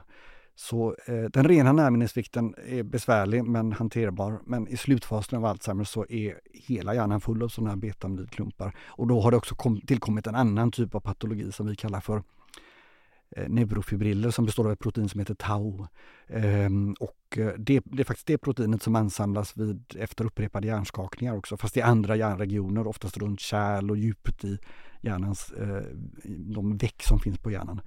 Ehm, men när sjukdomen har gått så långt då har, då har hela hjärnan drabbats och det är då som man oftast får, eh, behöver hjälp och bo på, på hem med personal och sådant. Då kan dygnsrytmen vara störd, man kanske också har blivit ja, pannloben reglerar ju lite av det som är ens, ens förmåga att planera och uppföra sig och inte säga elaka saker och inte men också planera och försöka och, och tänka framåt. Sånt. Så man, man, kan bli, ja, vid pannlobssvikten så kan många jobbiga symptom tillkomma. Men leder Alzheimer eh, till döden? Ja, i, i, slutet, om man är väldigt frisk i kroppen och har en Alzheimer så dör man till slut i sin Alzheimer. Och det, då dör man i en hjärnförtvining. Och hjärnan, det, eh, ja, halva volymen av hjärnan kan vara borta alltså. Eh, och då ser man generellt sett då en, en total eh, en förtvining av hjärnan. Vilket gör att man inte kan äta, man kan ha svårt att svälja. Man, man, kan inte, man är totalt beroende man kan inte eh, klara någonting själv och till slut så dör man av det. Någonting jag tänkte på här, eh, du sa närminnessvikt eh, och så, men, eh, men är det inte så att alla som blir lite äldre får lite sämre närminne utan för den skulle ha Alzheimer? Ja, eh, man har studerat det friska åldrandet eh, på hjärnan och då kan man Gamla studier på det friska åldrandet tog ofta in människor som började få lite Alzheimer men nu kan vi mäta Alzheimer objektivt så vi kan exkludera de personerna från studier av det friska åldrandet. Eh, Alzheimerförändringarna kan uppmätas med ryggvätskeprov eller med hjärnavbildande metoder med PET-kamerateknik. Och nu de senaste åren har vi utvecklat blodtester vilket har varit den, största, den stora grejen inom, inom vår forskning. Så det är mycket lättare att, att upptäcka när de här betamylklumparna och tauförändringarna uppkommer. Och får man, har man betamylklumpar och fungerar bra kognitivt, eller hjärnans funktion är liksom objektivt bra om man är 70, då är, det, då är det väldigt stor risk att man är dement när man är 80-85. Så det är, ett, ett, det är en dålig sak eh, att ha i hjärnan. De här betamidklumparna är inte, de är liksom inte inerta, de är, de är verkligen markörer för att någonting är på gång. Um, så, men det är ett långsamt förlopp, så klumparna uppkommer 15-20 år innan man blir dement. Till slut så kan inte... Man kan undra vad, vad är det som händer under den perioden? Då är, verkar det vara så att hjärnan kompenserar för störningar från de här klumparna. Hjärnan är liksom byggd på det viset. Små proppar, små hjärnskakningar och sådant. Det, då får man skador på nervcellsnätverken och sen kalibrerar hjärnan om och lyckas ändå upprätthålla funktionen. Och så är det vid Alzheimer också verkar det som. Men till slut så har man uttömt dessa kompensatoriska mekanismer för att så mycket av nervcellsnätverken är skadade att det inte går att göra någonting åt. Men, men alla som har lite problem med närminnet har mm. alltså Alzheimer? Nej, eller? nej, nu kommer vi till den här grejen. I studier av det normala åldrandet så har man kunnat se att eh, det finns ju ett normalt åldrande av hjärnan. Som man liksom inte, ungefär som kroppen åldras, åldras ju också hjärnan. Och det psykologerna brukar säga, de som är experter på hjärnans funktion, det är att det normala åldrandet på gruppnivå innefattar en förlångsamning som är normal. Och det är inte mycket att göra någonting åt. Men sen så säger man också, nu kommer det här låta helt ovetenskapligt, men det är mitt sätt att tolka psykologerna. Man blir också man blir långsammare men man blir också klokare. Man har liksom en erfarenhetsbank att ösa ur. Man har varit med om jättemycket saker i sitt liv och man kan relatera nya händelser till sånt som har varit tidigare. Man har varit med om bra och dåliga saker i sitt liv och man kan ge säkert bättre råd till unga om man skulle bli tillfrågad som en äldre vis person. Men man är långsammare och man har svårare att lära nytt. Eh, så man blir på sätt och vis mer rigid, mer konstant, lite långsammare, men kanske också klokare. Och man, men man kan minnas och så, men, men man är inte lika snabb. Det är det normala åldrandet. Att istället få en, när man är 70-75, märka att närminnet sviktar, jag kommer inte ihåg ehm, eh, jag, jag, jag, jag minns inte, jag har lämnat min lägenhet men jag minns inte vart jag är på väg. Och det händer, man går tillbaka och försöker komma på detta och sen kommer man på, ja men det var nog det här jag skulle göra. Och så, där. och så händer detta mer och mer. Det är inte normalt. Och är det så att man själv blir orolig över detta eller att ens anhörig är orolig, då brukar eh, vi säga att är man orolig så är det lika bra att söka lite eh, sjukvårdens hjälp för det här. Och då är det precis som jag sa i början här, en basal minnesutredning på vårdcentralsnivå som är första steg. It's that time of the year. Your vacation is coming up. You can already hear the beach waves, feel the warm breeze, relax and think about work. You really, really want it all to work out while you're away. Monday.com gives you and the team that peace of mind. When all work is on one platform and everyone's in sync, things just flow wherever you are. Tap the banner to go to Monday.com. There's never been a faster or easier way to start your weight loss journey than with PlushCare. PlushCare accepts most insurance plans and gives you online access to board-certified physicians who can prescribe FDA-approved weight loss medications like Wigovi and Zepbound for those who qualify. Take charge of your health and speak with a board-certified physician about a weight loss plan that's right for you. Get started today at plushcare.com slash weight loss. That's plushcare.com slash weight loss. plushcare.com slash weight loss. Quality sleep is essential. That's why the Sleep Number Smart Bed is designed for your ever-evolving sleep needs. Need a bed that's firmer or softer on either side? Helps you sleep at a comfortable temperature? Sleep Number Smart Beds let you individualize your comfort so you sleep better together. JD Power ranks Sleep Number number 1 in customer satisfaction with mattresses purchased in-store. And now save 40% on the Sleep Number limited edition Smart Bed for a limited time. For JD Power 2023 award information, visit jdpower.com/awards. Only at Sleep Number stores or sleepnumber.com. Och verkar någonting vara onormalt där så kan man bli vidare remitterad till minnesmottagning för djupare utredning. Och man kan få hjälp på massa olika sätt om det här visar sig vara någon form av sjuklig process. Är det det som är varning, eh, varningssignalerna att som det, du säger ja. här? Alltså, för jag läste någonstans att ja, när du börjar lägga skruvmejseln i kylskåpet så börjar det, då får du nog eh, faktiskt ta och, och söka. Precis. Skruvmejseln i kylskåpet är, det är faktiskt ett, det, det, är ett ganska gravt... Eh, det, det, så, så det är klart, ja, det kan ju hända om man är stressad. Liksom. Det är absolut så. Det finns vissa saker som, verk, som är godartade minnesstörningar att glömma namn, det är någonting som är jätte, jättevanligt och som inte är kopplad med ökad risk för demenssjukdom. Eh, så det, och det är många som det är, är oroliga detta. Precis. Och sen finns det ju personligheter också. Att man är disträ som person, det är inte mycket att göra åt. Man, eh, ens personlighet är ju oftast ganska konstant. Eh, att ha många tankar i luften och sen tappa några trådar och sånt, det är också helt okej. Okay det är istället det här att någonting, någonting förändras. Det är det som är grejen. Någonting förändras på ett sätt som inte är riktigt... Mm. Nu ska jag berätta att eh, för sådär en tio år sedan så eh, efter en semester mm. så eh, kom jag in på jobbet.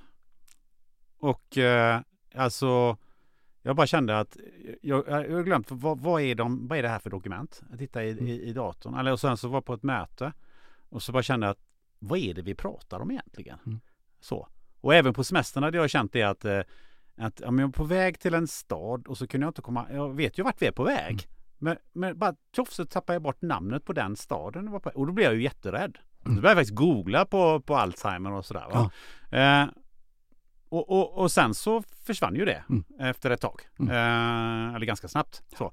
Eh, och vad, vad beror sådana grejer på? Ja, det är också det är bra att du säger detta för det är säkert många som upplevt liknande saker. Mm, det, de här, det är ju faktiskt demensliknande symptom du beskriver. Eh, och då är det, det är där man kommer tillbaka till att det finns så många eh, orsaker till demens och demens kan på så vis också vara övergående. Om man tänker sig att man är deprimerad eller jättestressad eller haft alldeles för mycket om sig och man har liksom gått på högvarv under ett tag då kan man ha kortisolnivåer som ligger liksom och pumpar högt i blodet och man får då en skrumpning av hippocampi, den här minnesinlagringsstationen. Eh, och man kan få en närminnesvikt som är reversibel.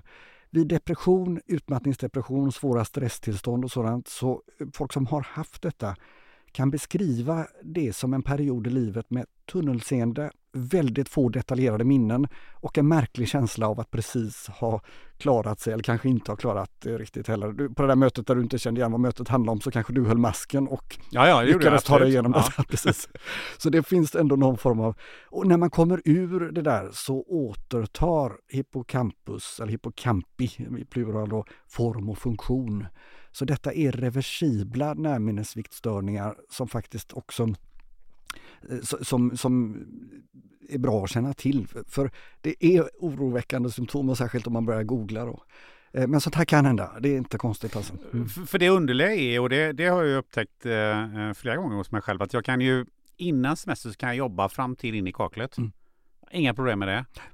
Sen går jag på semester. Mm. Sen är jag, alltså två dagar så är jag helt avstängd. Mm. Alltså jag, jag kommer knappt ihåg vad det var jag jobbar med. Och så, ibland har jag sagt att eh, ja men det där ska jag göra på semestern, det kommer inte hända. Mm. Och sen har jag alltid haft svårt att komma igång efter semestern. Just de här grejerna, att det går fruktansvärt långsamt i huvudet Mm. de första dagarna eller så. Är, är, är det något liknande att, att jag har jobbat för hårt fram tills dess och efter sen i en vila så får man någon sorts sån eh, reaktion? Ja, jag tror det. det nu är detta eh, eh, förstås jag som spekulerar här, men det är ju absolut inte en neurodegenerativ sjukdom, för det är reversibelt. Det typiska för de neurodegenerativa sjukdomarna, varav Alzheimer är vanligast, då, det är ju att det blir inte bättre, va? det blir sämre över tid. Eh, så detta har, tror jag, faktiskt med adrenalin, kortisol, full fart framåt att göra och sen detta med att sen totalt koppla av. Hela kroppen ändrar sig säkert under de där dagarna där du slappnar av ordentligt. Och sen går man in i en återhämtningsfas som innefattar en förlångsamling, kanske inte helt olik eh, dvala eller vinter, alltså någon form av, vi har lite av sådana förmågor, däggdjur, att kunna stänga ner aktivitet i kroppen och sådant. Inte så extremt som att kanske gå i det, men något liknande det kan det säkert vara. Eh, och, eh, Och det är väl också olika för olika människor? Mm. Absolut, absolut, verkligen olika. Och, och vi är ganska olika. Vissa tål eh, em, skiftarbete och, och älskar när det eh, ändrar sig på jobbet eller blir väldigt intensiva perioder och lugnare andra perioder och andra vill ha mer eh, lite lugnare och sådär. Och eh, folk lever nog sina liv ganska olika men eh, ja, och den här känslan att, att gå in i en fas där man kanske sovit extremt lite, varit extremt på till att ha en fas där man kopplar av, sover mycket mer, eh, eh, blodtrycket sjunker, man vilar, nivån av stresshormoner går ner. Det, det ändrar ju nervcellsfunktionen också och det kanske blir ett slags fysiologiskt återhämtning som kanske var jätteviktig för dig. Eller också så spelade det ingen större roll men effekten blev att man kände att det är svårt att komma igång och sådär också.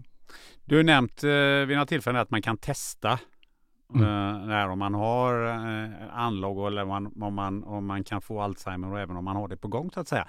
Eh, Varför ska man testa det? Vad ska jag med svaret till? Ja, i dagsläget så är det verkligen så att det är bara om man själv är bekymrad över symptomen och vill ha reda på om det här är en diagnos eller någonting man kan ändra på för att få det att bli bättre eller om det är någon medicin man behöver.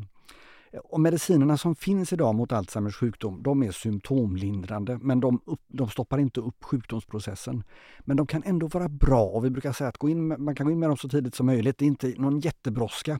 Men är det Alzheimer så är det bra att börja med, med någon av de fyra mediciner som finns. Och de är superbilliga också, alla patent är borta så de kostar inte många Ja, det kostar en, knappt en krona om dagen. Alltså. Eh, så, ehm, eh, och biverkningarna är få. Eh, så det, det finns en hel del att vinna på att få sin diagnos och få sitt läkemedel.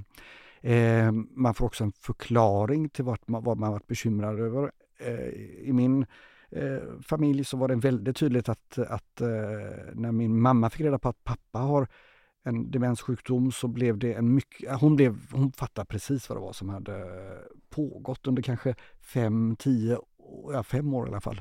Så, så, och där blev dynamiken mellan dem betydligt bättre. Och, och, ehm, så, så, det finns ett värde i diagnosen i sig om man är bekymrad eller om de här symptomen påverkar livet. Men om, om det nu har ärftligt och om jag då är, är 35? Ja. Nej, precis. Och, och där... då, då, kan jag ju få reda på att ja, men du har 20 procents eh, risk, eller du tillhör de där 20 procenten som Exakt. du pratade om tidigare här. Mm. Vad ska jag med det svaret Nej, till? Så man skulle kunna nu i dagsläget, man skulle kunna testa sig själv för ApoE Epson 4. Man skulle kunna mäta de här blodmarkörerna som vi utvecklat och se lite grann hur ligger man där och sådant. De ändrar sig först när sjukdomen börjar dra igång.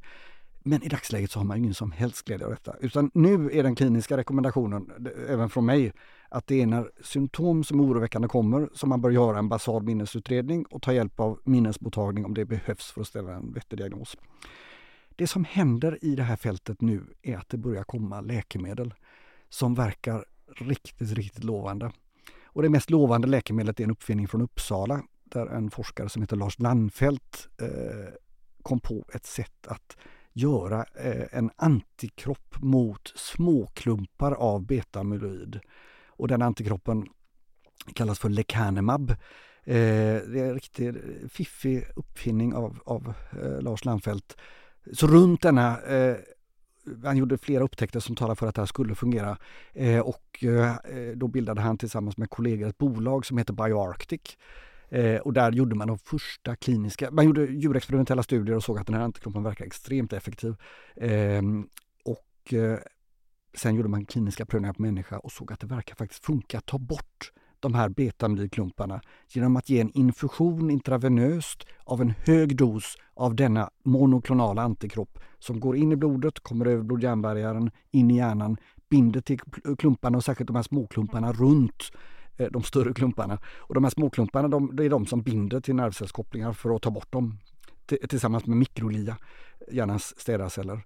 Eh, och det blev ganska tydligt att det här verkar både säkert och det verkar också minska hjärnskademarkörerna. Så vi kan mäta klumparna men vi kan också mäta hjärnskademarkörer både i ryggvätska och blod och med vissa hjärnavbildande tekniker.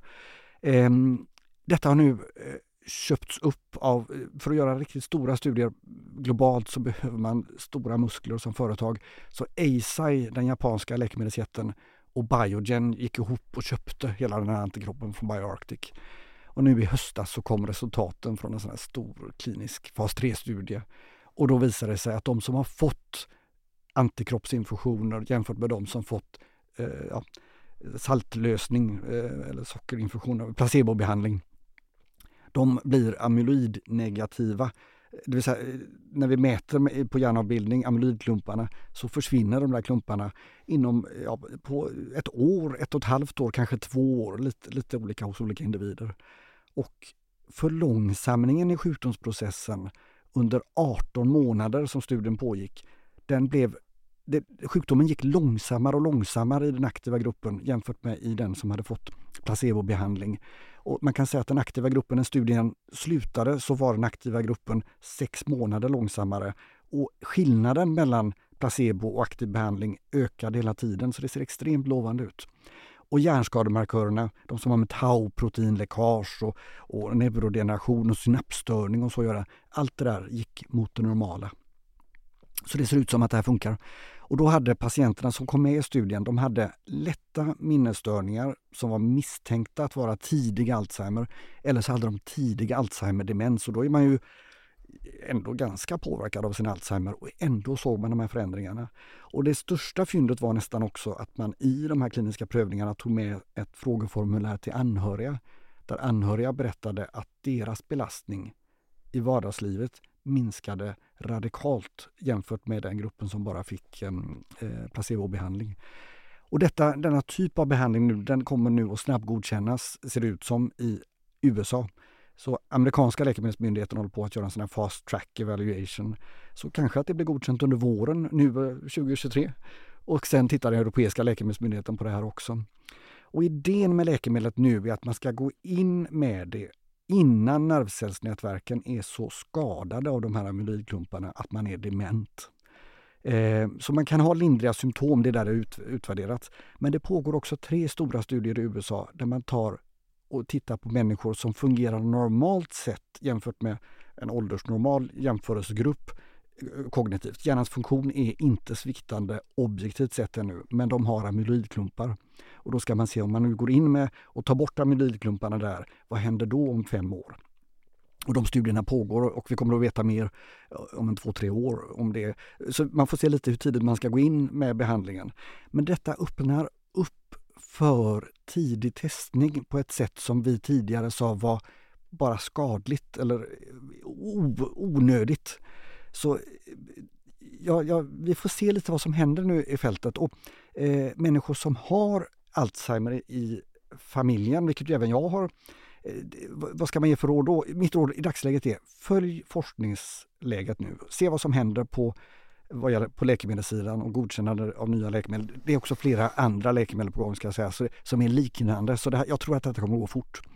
Eh, och om det är så att vi får godkända läkemedel i Sverige mot betaamyloidklumpar, då kan det vara läge att kanske vara väldigt vaksam på tidiga symptom eh, och gå tidigt till sjukvården och testa sig.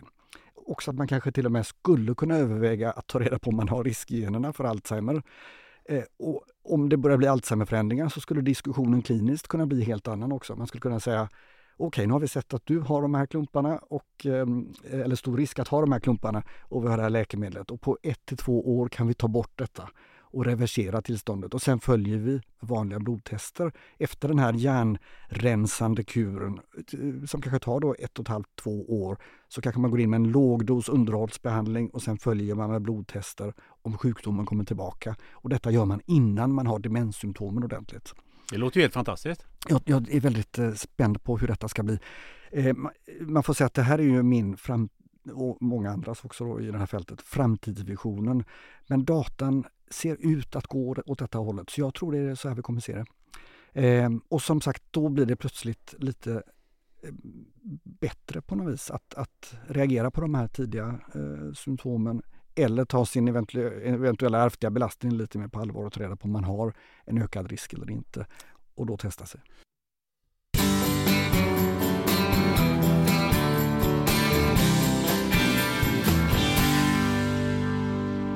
Väntar du eller någon i din närhet barn? Ja, då kanske ni har funderat på om det finns en sannolikhet att fostret har en kromosomavvikelse. Porrens sponsor Life Genomics erbjuder Harmony NIPT, ett genetiskt fostertest med väldigt hög precision för att upptäcka de vanligaste kromosomavvikelserna. NIPT görs på ett enkelt blodprov från mamman som utförs på labbet i Göteborg. Gå in på hemsidan fostertest.se och läs mer. På fostertest.se så hittar du också din närmaste vårdgivare som erbjuder NIPT-test. Life Genomics erbjuder även andra tester som covid-19 PCR inför exempelvis din resa eller andra möten. Dessutom erbjuder Life Genomics ett kvantitativt antikroppstest för covid-19 som påvisar aktuell immunstatus. Mer information hittar du på lifegenomics.se. Tack Life Genomics!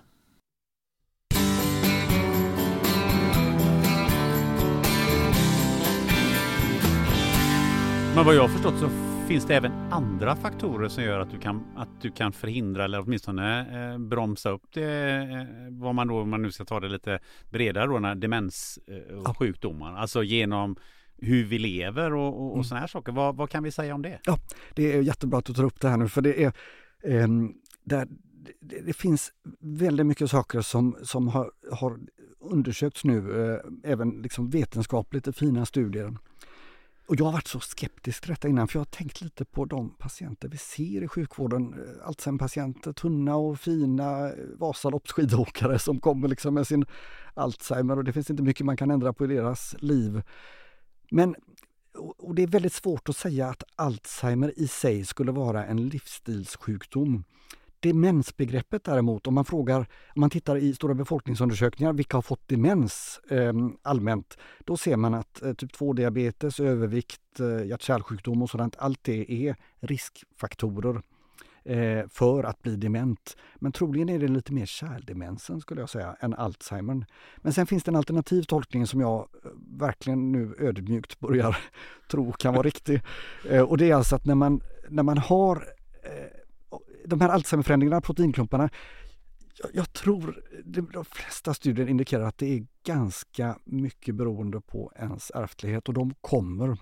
Men sen hur man reagerar på klumparna och hur ens hjärnreserv ser ut, den kan vara mycket betingad av hur man har, har levt sitt liv och hur man lever sitt liv. Och man brukar eh, nu säga att allt som är bra för hjärtat är bra för hjärnan. Eh, och då har man den här tanken att ett friskt kärlträd i kroppen kommer också vara ett friskt kärlträd i hjärnan. Eh, det hjälper till att hålla vätskeflödena i hjärnan igång. Det här betamylproteinet som jag pratat så mycket om, det ska ju ut ur hjärnan och då kanske det är bra att ha liksom bra flöden i blodkärlen om man ska kunna eh, hålla betamylen löslig och allt sånt där.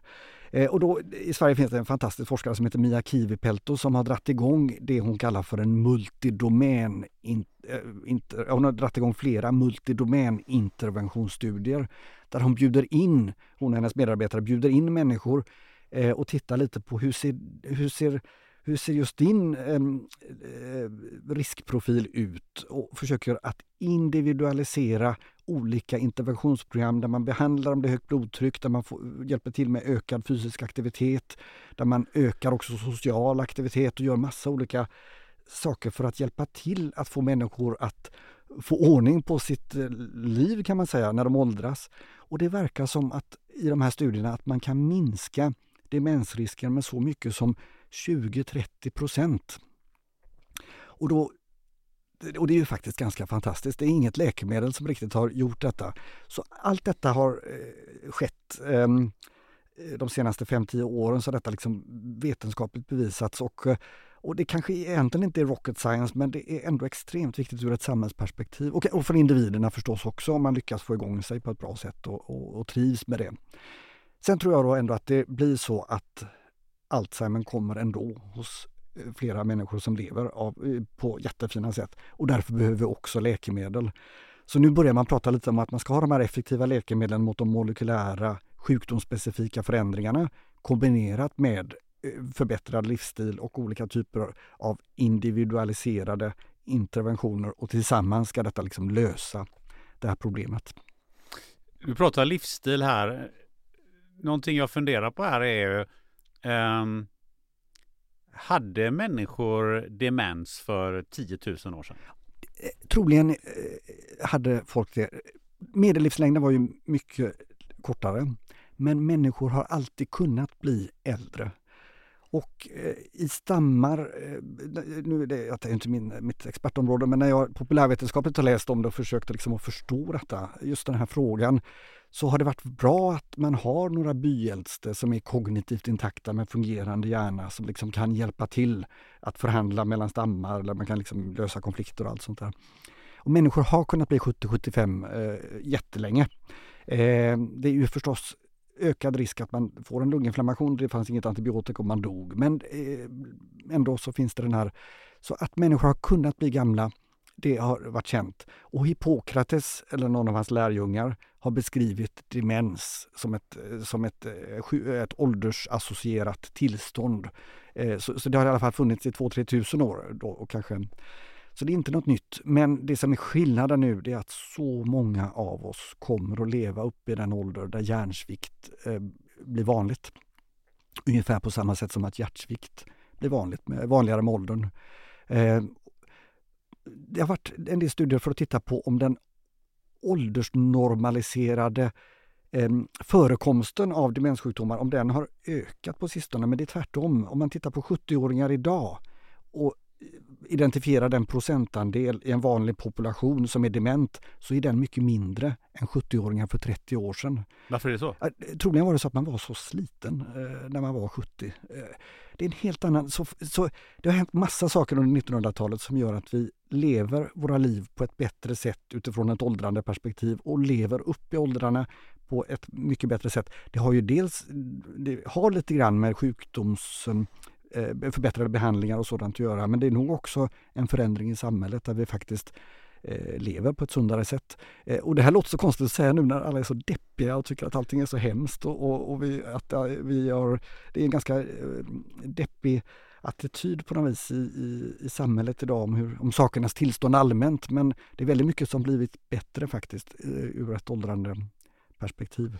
Eh, I Sverige, i Göteborg så finns den här H70-studien som Ingmar Skog jobbar mycket med och han, han kallar ju 70 för, för det nya 50 liksom. Eh, eh, så, och det är så det ser ut om han jämför befolkningsundersökningarna för 30 år sedan med nu så har det ändrat sig jättemycket. Så, så, och han undersöker även 85 och 90-åringar och sådant. Och det helt klart så att de är betydligt friskare. Man har fler diagnoser och man har liksom behand man har en viss form av multisjuklighet och farmaci men det hålls i schack på något vis. Hur viktigt är det att man, eh, att man håller igång eh, när man blir äldre? Ja. Alltså då tänker jag eh, både fysiskt och, och, kan även då eh, den stimulans man ger till hjärnan som inte är fysiskt direkt. Mm. Eh, eh, spelar den också någon roll? Ja, det spelar absolut roll. Men samtidigt är det här, jag har så svårt för, för mig känns det som ett sånt självklart råd.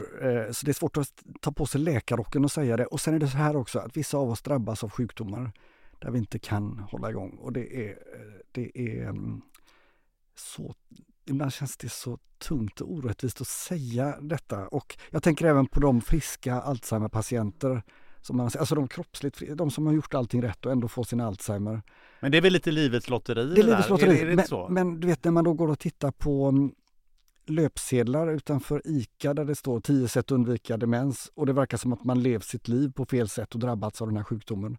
Eh, det är, och de där råden är ofta väldigt eh, knepiga också. Det handlar alltid om att man ska vara en lyckad och glad och aktiv och, och pigg och rolig och person och så. Och så tänker jag på just när, det, när sjukdomen slår till så kanske det inte är så att man, man har inte orsakat sin egen sjukdom. Men det är väl lite på individnivå som vi pratar nu. Men om vi pratar på, på gruppnivå Eh, eh, för, för det här med att vi, ska, att vi ska röra på oss, att vi ska träna och fysiskt aktiva. Ja. Eh, det, det är väl någonting som har rotat sig hos, hos väldigt många har jag förstått. Mm. Uh, och inte, inte annars, eh, om inte annat genom Anders Hansen, bland annat genom mm. hans, uh, uh, hans böcker och så vidare. Men jag tänker på hur mycket spelar den intellektuella stimulansen roll i det här sammanhanget? På gruppnivå spelar det också roll, men där finns det extremt mycket confounders eller störfaktorer i de vetenskapliga studierna.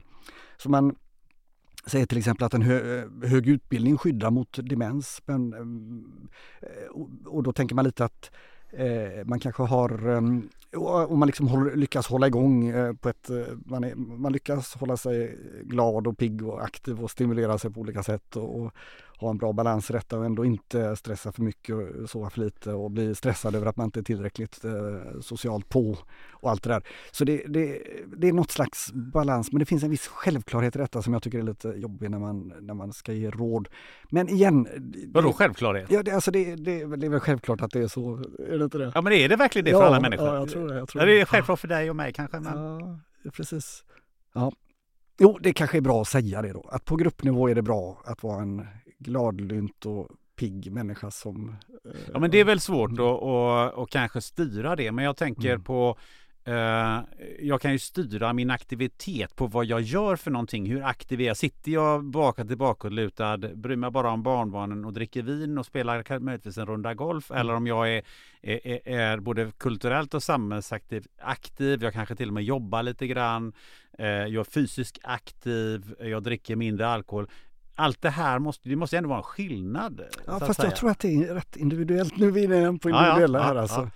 Men eh, det är väldigt svårt att veta vad som är bäst för ens egen hjärna. Alltså. Jag, jag tänker lite på den här eh, människor som liksom lyckas engagera sig i såpoperor och följa dem och vara med i jättekomplexa. Det, det finns en viss sån här finkultur och eh, frisksportsbias i de här råden som jag avskyr. ja, det är intressant att du säger det. Absolut. Eh, den, så, eh, Oftast är det opera och sådant men... Eh, inte, alltså det är sämre med rockkonserter? Exakt, exakt. Precis, precis. Så, mm. så, och jag tror att en del av de här sambanden man har sett är att man en del utav sambanden man har sett i de här befolkningsstudierna, jag tror att de är omvända orsakssamband. Så om vi nu tänker oss att vi vet nu att betamyloiden hos de av oss som får Alzheimer uppkommer 15 till 20 år innan man är dement så är det ändå så att om man då har gjort en befolkningsundersökning och tittat på vilka som är dementa och vilka, hur de levde sina liv när de var 50, 60, 65 så kanske man ser att man var lite mer socialt isolerad, kanske lite mindre aktiv med att gå till operan. Man kanske inte läser tjocka romaner. Man kanske inte eh, ordnade stora släktmiddagar så mycket som man... Man kanske har slutat med olika saker. Och där tror jag att det kan vara de första symptomen på de här betamylklumparna som uppkommer tidigare än att det är ett orsakssamband till att detta ökar risken för demens. Aha. Så där finns det en viss risk att vi har en... Vi har vänt på. Vi har vänt på begreppen lite grann.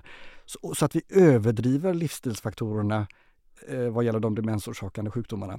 Men jag vill också säga nu att Mia Kivipeltos studier där hon gör multidomänintervention på människor och får det att bli bättre talar emot det här resonemanget jag precis sa.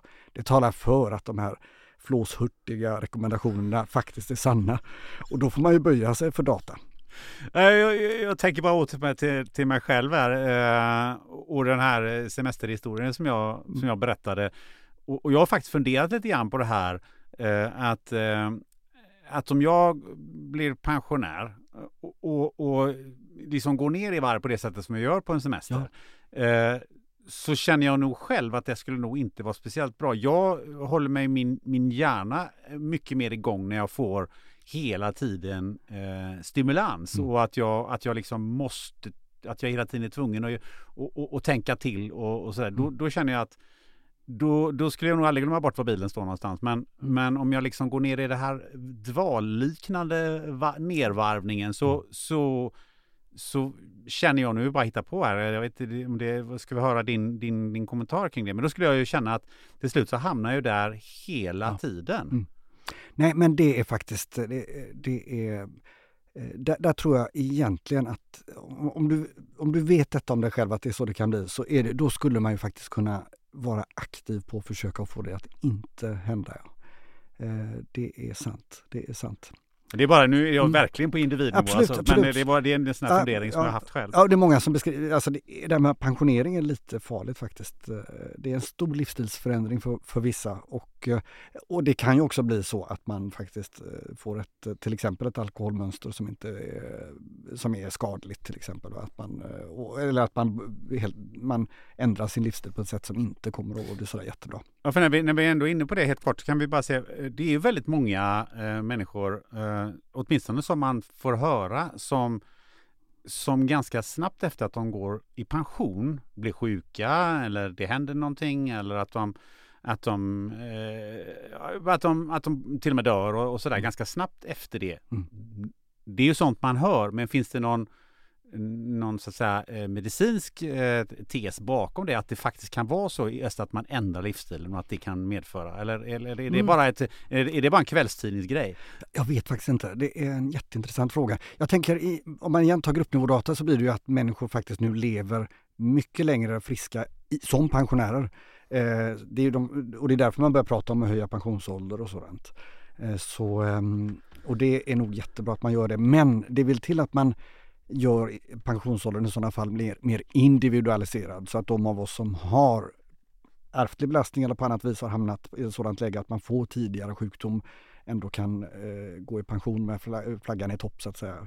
Om man, eh, om man skulle vara på E4 homozygot, vilket då 1 till 2, till 2 är, så är det så att man är mycket, har mycket stor sannolikhet att börja få lite små demenssymptom när man är 67, 68, 69. Om man då ska jobba tills man är 69 så kanske inte det blir den bästa slutet på sin mm. yrkesaktiva karriär. Kanske en, ännu en anledning till att man kan, ska mäta Testa, det Ja, fast eh, då kan man säga att det är väldigt svårt att också säga exakt hur det kommer bli för en person. Så det är bättre att ta symptomen som de kommer. Men flexibiliteten i att öka, pensionsåld att öka pensionsåldern för alla rätt av det kommer att bli väldigt eh, svårt för vissa människor.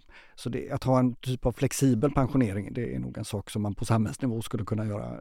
Det skulle kunna vara väldigt fint för befolkningen i, i Sverige om vi hade det på det viset. Många vill ju jobba upp i åldrarna och kan göra det. Sen finns det vissa som inte eh, kan. En sak är ju då om jag inte drabbas mm. av, av den här typen av sjukdomar. Men jag har anhöriga som gör det. Mm. Uh, jag kanske har föräldrar eller så. Hur, uh, hu, hur ska man förhålla sig som anhörig uh, till den här typen av förändringar? Mm. För jag, jag, jag kan själv tycka att det är svårt. Mm. Ja, jag har också upplevt detta på, på nära håll och eh, för, ja, när jag märkte på, egentligen var det min mamma som började märka på min pappa att det var något som var Eh, fel eh, och hon tyckte, hon var ganska irriterad på honom flera år innan att han hon tyckte han visat minskat engagemang i att, att ordna med saker hemma och fixa, fick, eh, för hon har varit aktiv till att inte vara så aktiv till slut när man tittade på bilkörning och en del andra saker så blev det ganska tydligt att det är något som är fel. Det här är inte normalt. Eh, och då så sa jag, pratade med min mamma och sen pratade jag med min pappa och han ville absolut inte utredas. Det var inget fel på huvudet eh, utan där. Men till slut så blev det för uppenbart och då satte vi oss ner och pratade ihop om, om det här lite grann. Och då skrev min pappa och jag en tillsammans skrev en egen remiss till minnesmottagningen för hans eh, del. Så han skrev sin egen remiss tillsammans med mig. Och så fick han en tid för utredning och det blev en jättebra utredning där väldigt mycket saker föll på plats. Och det, jag tycker nog ändå att det här blev något positivt av detta. Så då fick han sin medicin, morsan visste mer vad som var på gång. Allting blev mycket klarare. De kunde berätta för sina vänner att här har vi en demenssjukdom. Och det kommer nog inte bli bättre men vi vill fortfarande vara med och eh, göra detta så gott vi kan. Eh, där de bor vet också folk om lite grann om man skulle eh, gå vilse eller något sådant. Så det, den här öppenheten, är, och den är liksom en öppenhet som även pappa är alltså med på och, och kan prata om och har berättat för några av sina närmare vänner också att, att det här eh, om, om sina symptom. Eh, även om han har lite, det, det börjar bli lite svårt för honom att beskriva exakt hur det är för honom nu. Eh, nu var detta en individuell historia, men om man har en anhörig som man är bekymrad över så är, tycker jag att man ska prata med den anhörig och berätta exakt vad det är man känner. Och sen finns det då möjlighet att beskriva precis det jag sa, att man kan då få hjälp på vårdcentralsnivå med en basal minnesutredning eh, där man kan få en allmän hälsokoll och upptäcka saker som faktiskt går att optimera. Och så finns det en del läkemedel. Och sen är det en del läkemedel på gång nu som, som gör att det också kan vara bra att få en diagnos. Det finns ytterligare en eh, lite tråkigare anledning till att det är bra att ha en diagnos. Det blir att man är inne i rullorna på något vis. Om de här symptomen blir sämre och man till slut behöver få mer hjälp. Också om det är så att man som anhörig får en allt större börda att ta hand om hemma så, det, så, finns det också avlastning på olika sätt och det finns biståndshandläggare som kan hjälpa till med jättebra tips och de har erfarenhet om när något problem uppkommer så kan de ha massa olika lösningar och kan vara fina bollplank både till den, patient, den personen som har den här diagnosen och anhöriga.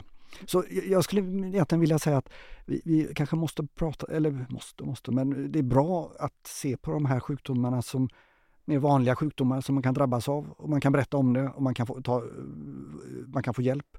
Och det finns en massa hjälp att ta också från samhället här och uh, allt eftersom behoven uppstår.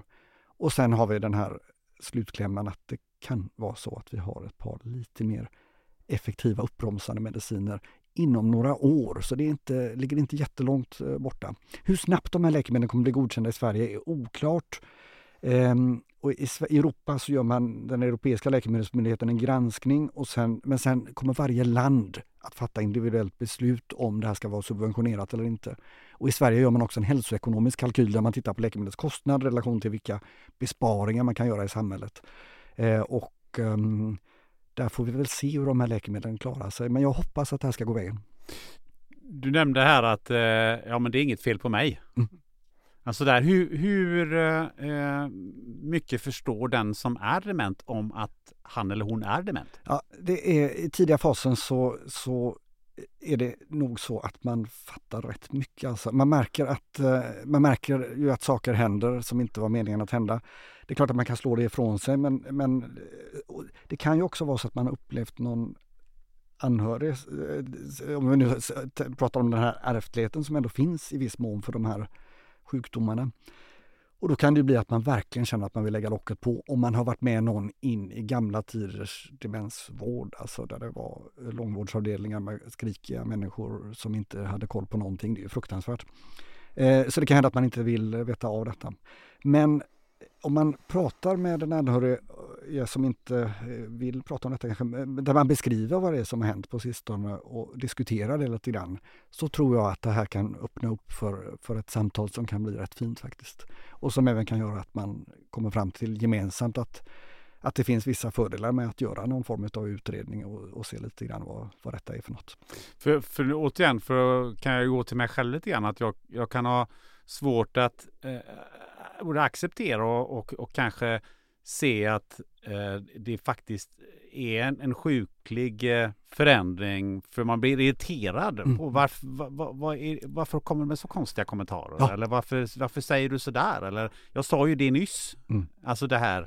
Man blir nästan lite kränkt. Jag, ja, lite, jag är lite arg ja, sådär. Precis, precis. Och särskilt om det är en an, nära nu som man kanske eh, tycker att, eh, att eh, vad snackar du Galli Mattias för? Ja, ja. Nej, men då tror jag det är, bra, det är bra att prata om det. Då får du bli arg och så får man, eh, för din anhörig som tog upp de här sakerna, fundera lite på vad det här är, så kan man ta upp det igen om det inte... Men det är, det är inte helt ovanligt att folk beskriver att det var extremt svårt att få iväg en person för utredning det är ju ändå man själv som bestämmer om man vill bli utredd eller inte. Och vill jag gå in i demensen och lägga locket på så är, så är det ju helt okej okay också. Alltså. Eh, men det kan bli jobbigare tror jag, särskilt för eh, anhöriga. Så det, det finns många perspektiv på det här och eh, men det är klart att det är man själv som bestämmer om man vill ha sjukvård eller inte. Till slut kan det bli så att om, om, det, om det har blivit en, extra, en, att man har fått en demens som gör att man till slut inte kan ta hand om sig själv, då kan man ju faktiskt, då kan ju sjukvården få gå in också. Men då börjar man komma in på den här psykiatrisk tvångsvårdsdiskussionen och sånt. Och det är inte, så man har rätt att säga nej till att bli utredd, det får man också komma ihåg. Men om man kan tillsammans komma fram till att det här är en bra grej så, så, så ser jag som doktor en massa fördelar med detta. Varför blir vissa som får eh, demenssjukdomar, varför är de aggressiva? Mm, det är en jättebra fråga och väldigt svårt att svara på också. En del säger att demensen eh, lite grann gör att vissa personlighetsdrag blir tydligare och kanske mindre man, man kan, det är svårt att kompensera. Äh, vi gör massa saker för att uppföra oss. Vår hjärna gör ju, vi jobbar ju stenhårt hela tiden på att eh, säga rätt saker och inte vara plumpa och inte vara... Det är liksom, och det är mycket av pannlobsfunktionerna. Där sitter ens överjag om man ska prata om Freud. Och när pannloben sviktar då kan det hända grejer som gör att man då inte riktigt eh, kan inhibera spontana impulser att säga någonting jätteelakt eller det kan vara sexuellt eller opa opassande är inte helt ovanligt. Eh, pannlobssläpp är liksom typiskt sådana grejer. Och, eh, så det brukar egentligen vid Alzheimer vara ett lite senare symptom. I början så brukar det vara att man har närminnesvikten och sen har man sin personlighet. Men sen är det klart att närminnesvikten är stressande. Och då är det ju lite grann beroende på hur man reagerar på stress kan nog säkert avgöra lite hur man blir även i den tidiga Alzheimerfasen. Och, och det här med att eh, tänka sig liksom juletid nu med ett fullt hus med massa barnbarn som springer runt och skriker och är irriterade över att eh, de inte fick rätt födels julklappspresent eller eh, och börjar gråta och, och sådär och så är det här kakafonin och man försöker hålla koll på massa olika saker och tänker att ja, men jag har vissa ansvar för att efterrätten här nu mitt i det här kaoset och så blir man till slut jätteirriterad och tappar det och säger eh, ja, eh, inte, inte lyckas hålla samman sig så som man gjorde tidigare. Det är ju någonting som anhöriga kan uppleva och det kan nog hända ganska tidigt i en Alzheimer också av stressen. Den här, men den här andra typen av pannlobssvikten, den, den, brukar komma lite senare i sjukdomen. Sen finns det pannlobsdemens där sjukdomen startar i pannloben. Men det är helt andra typer av proteinförändringar. Också klumpar som uppkommer, men då är det proteiner som heter TDP43 och lite andra eh, proteiner. Och sjukdomen där brukar komma i 60-årsåldern och så. Så det är en annan demenssjukdom. Det är en annan typ av hjärnsvikt och symptomen, man kan ha kvar jättebra minne, men då är det istället initiativförmåga, planering, eh, impulskontroll och sånt som börjar svikta. Eh, det är en ovanligare sjukdom men om man tittar på, om man skulle ta människor med eh, som uppfyller kriterier för demens, det vill säga hjärnsvikt, om man tar 60, 65, 70-åringar, då är pannlobsdemensen den vanligaste proportionellt sett, även om demens är mycket ovanligare i den åldern. En annan sak som man kan uppleva det är ju att eh, att sådana som har drabbats av demens också gör, gör väldigt, väldigt konstiga inköp. Mm, ja. eh, och det är också det kan ju vara kopplat lite till att man inte minns vad man behöver och att man därför handlar ständigt om och om igen samma sak som man, eh, som man eh, kanske har hur mycket som helst av hemma. Och när man kommer till affären så drar det igång igen att man måste ha eh, den här mjölken eller någonting annat. Konstiga inköp, det är, det är mer pannlobssymptom också eh, faktiskt. Ehm, eh, ja, vid pannlobsdemens så kan man tappa impulskontroll vad gäller sötsaker, alkohol, eh, en del andra saker som gör att man börjar bete sig på ett, ett sätt som är, som är verkligen sådär liksom avvikande. Extremt besvärligt för anhöriga faktiskt. Eh, och där har man själv inte riktig insikt också. Det är ett, eh, insiktsförlust är ett, ett tidigt symptom vid pannlobsdemens och ett sent symptom vid Alzheimer. Även om man kan förstås kan skjuta Alzheimer-insikten på framtiden också, för, eh, mer medvetet då. Men det, det, är väldigt intressant. Det är lite grann vilken region av hjärnan som förtvinar. Du sa att vi har eh, bra mediciner på gång. Mm. Eh, för att forska och för att forska vidare så krävs det rätt mycket pengar. Mm. Och jag har läst mig någonstans, till någonstans att du har ju till och med träffat Bill Gates. Ja, precis, precis. Kan du berätta om det? Jag har träffat honom två gånger och nu senast var i höst här. Eh, så eh, första gången var väldigt spännande för jag missade detta helt och hållet. Jag fick eh, mail från en person som jag inte kände där personen bad mig komma till Berlin och framförhållningen var tre, fyra veckor och jag tyckte att det där var oförskämt. Och, eller, jag hade, eller oförskämt ska jag inte säga, men jag blev i alla fall jag tyckte min vår var helt galen och jag bara sa nej, jag har inte tid.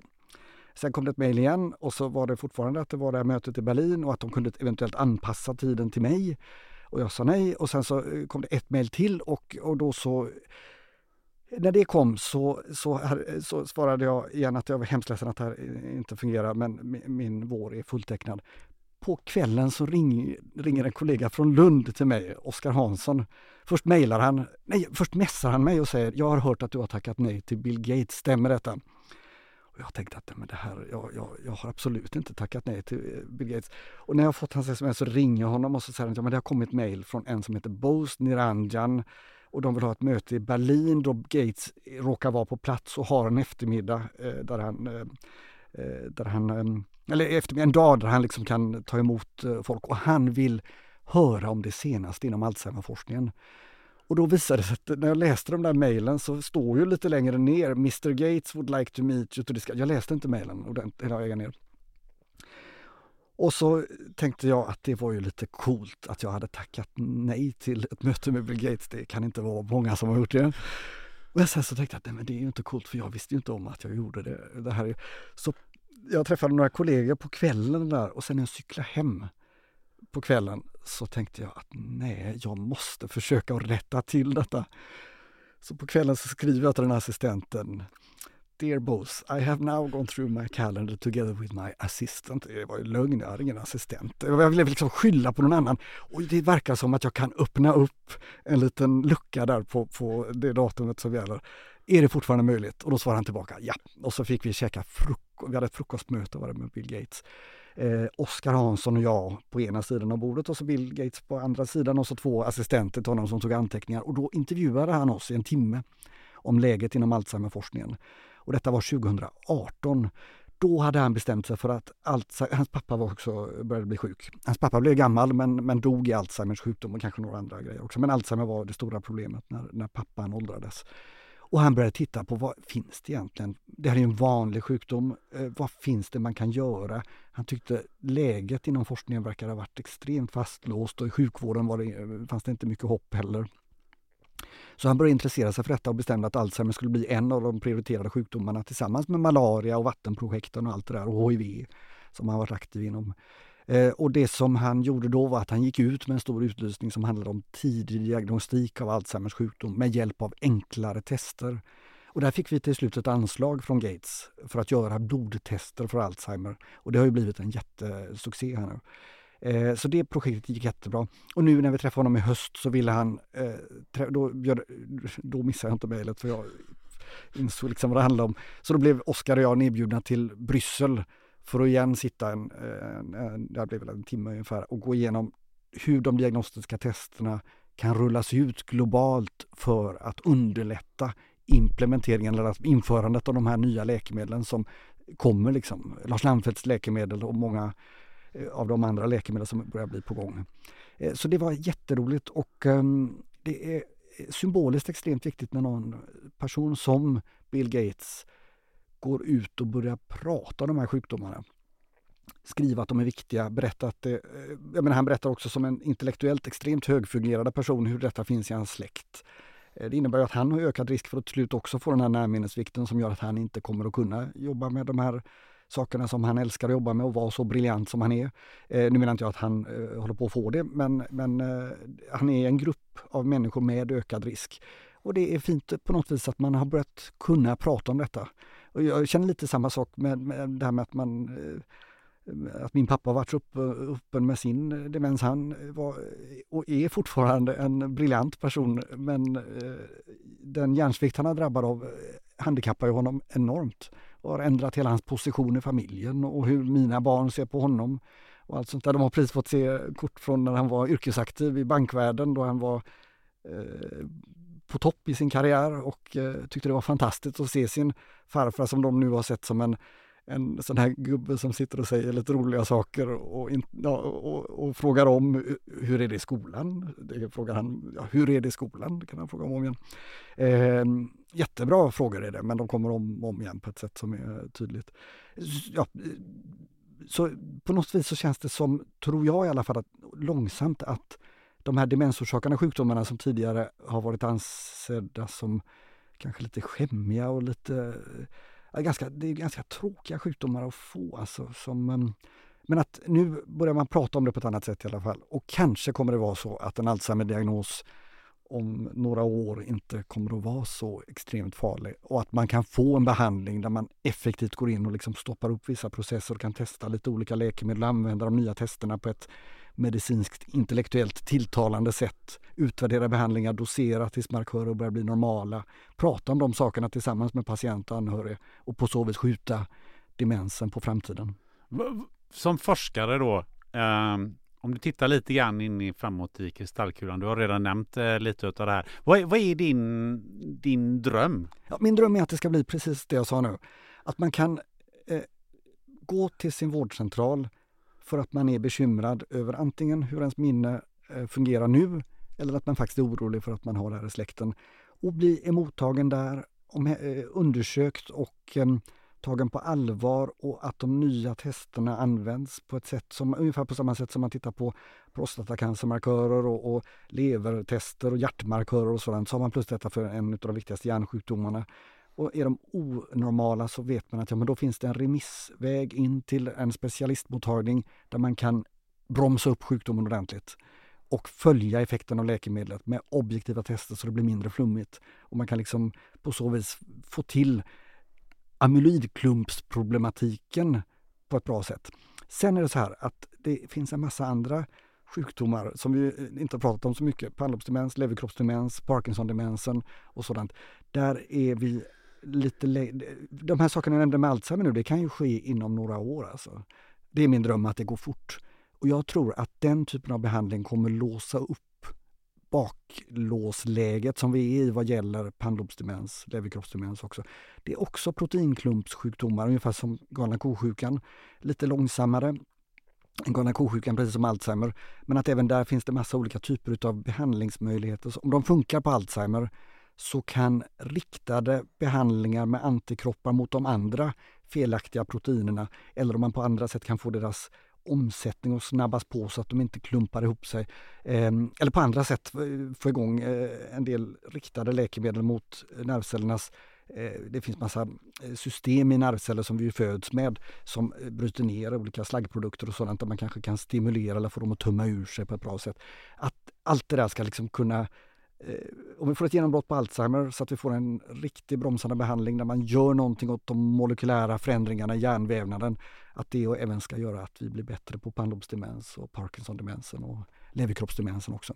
Men ett sånt genombrott, det låter ju eh, Nobelprisnivå på det. Jag tycker absolut detta är eh, Nobelprisnivå. Eh, eh Man kan säga att fältet är fortfarande bränt av att flera lovande behandlingar för 5-10 år sedan inte blev någonting. Eh, men i det här, så här bra har det aldrig sett ut och det kan jag säga rent objektivt utan att ha aktier i Lars Landsfeldts företag eller i Biogen eller några aktier överhuvudtaget. Utan det är, eh, detta ser eh, väldigt lovande ut. Det är så mycket som pekar åt rätt håll. Så jag tror att detta är ett riktigt genombrott. Så det, jag, jag, Mm, blir detta godkänt för kliniskt bruk så tycker jag att det är absolut läge för Nobelpriskommittén att titta på de som gjort nyckelupptäckterna här och, och och, och eh, se lite grann vilka, vem, vem var det som kom på det första eh, sättet att använda antikroppar för att få bort de här amyloidklumparna och vem hittade, det här kallas för amyloidkaskadhypotesen vid Alzheimers sjukdom och de nyckelpersonupptäckter som gjordes där, det är absolut de som skulle ha eh, Nobelpris. Det är svårt med Nobelpris nu för det är väldigt många Eh, forskare som bidrar till en folksjukdomslösning så att säga. Men eh, jag vet tre namn som jag skulle nominera. Mm.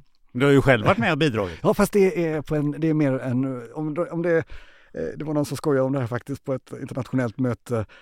Rockstars, det är ju de som tar fram läkemedlen roadies, det är de som tar fram de här testerna och sådana saker. Så det, det, det är du som är roadie då? Ja, alltså. jag är roadie. ja, det ska bli spännande att se eh, vad Nobelpriskommittén så småningom eh, kommer på, vem som, vem som får eh, pris och om det blir något pris för det här. Eh, vi närmar oss en, en avrundning här. Nu har vi suttit och, och, och pratat eh, i det här med i nästan eh, två timmar. Mm.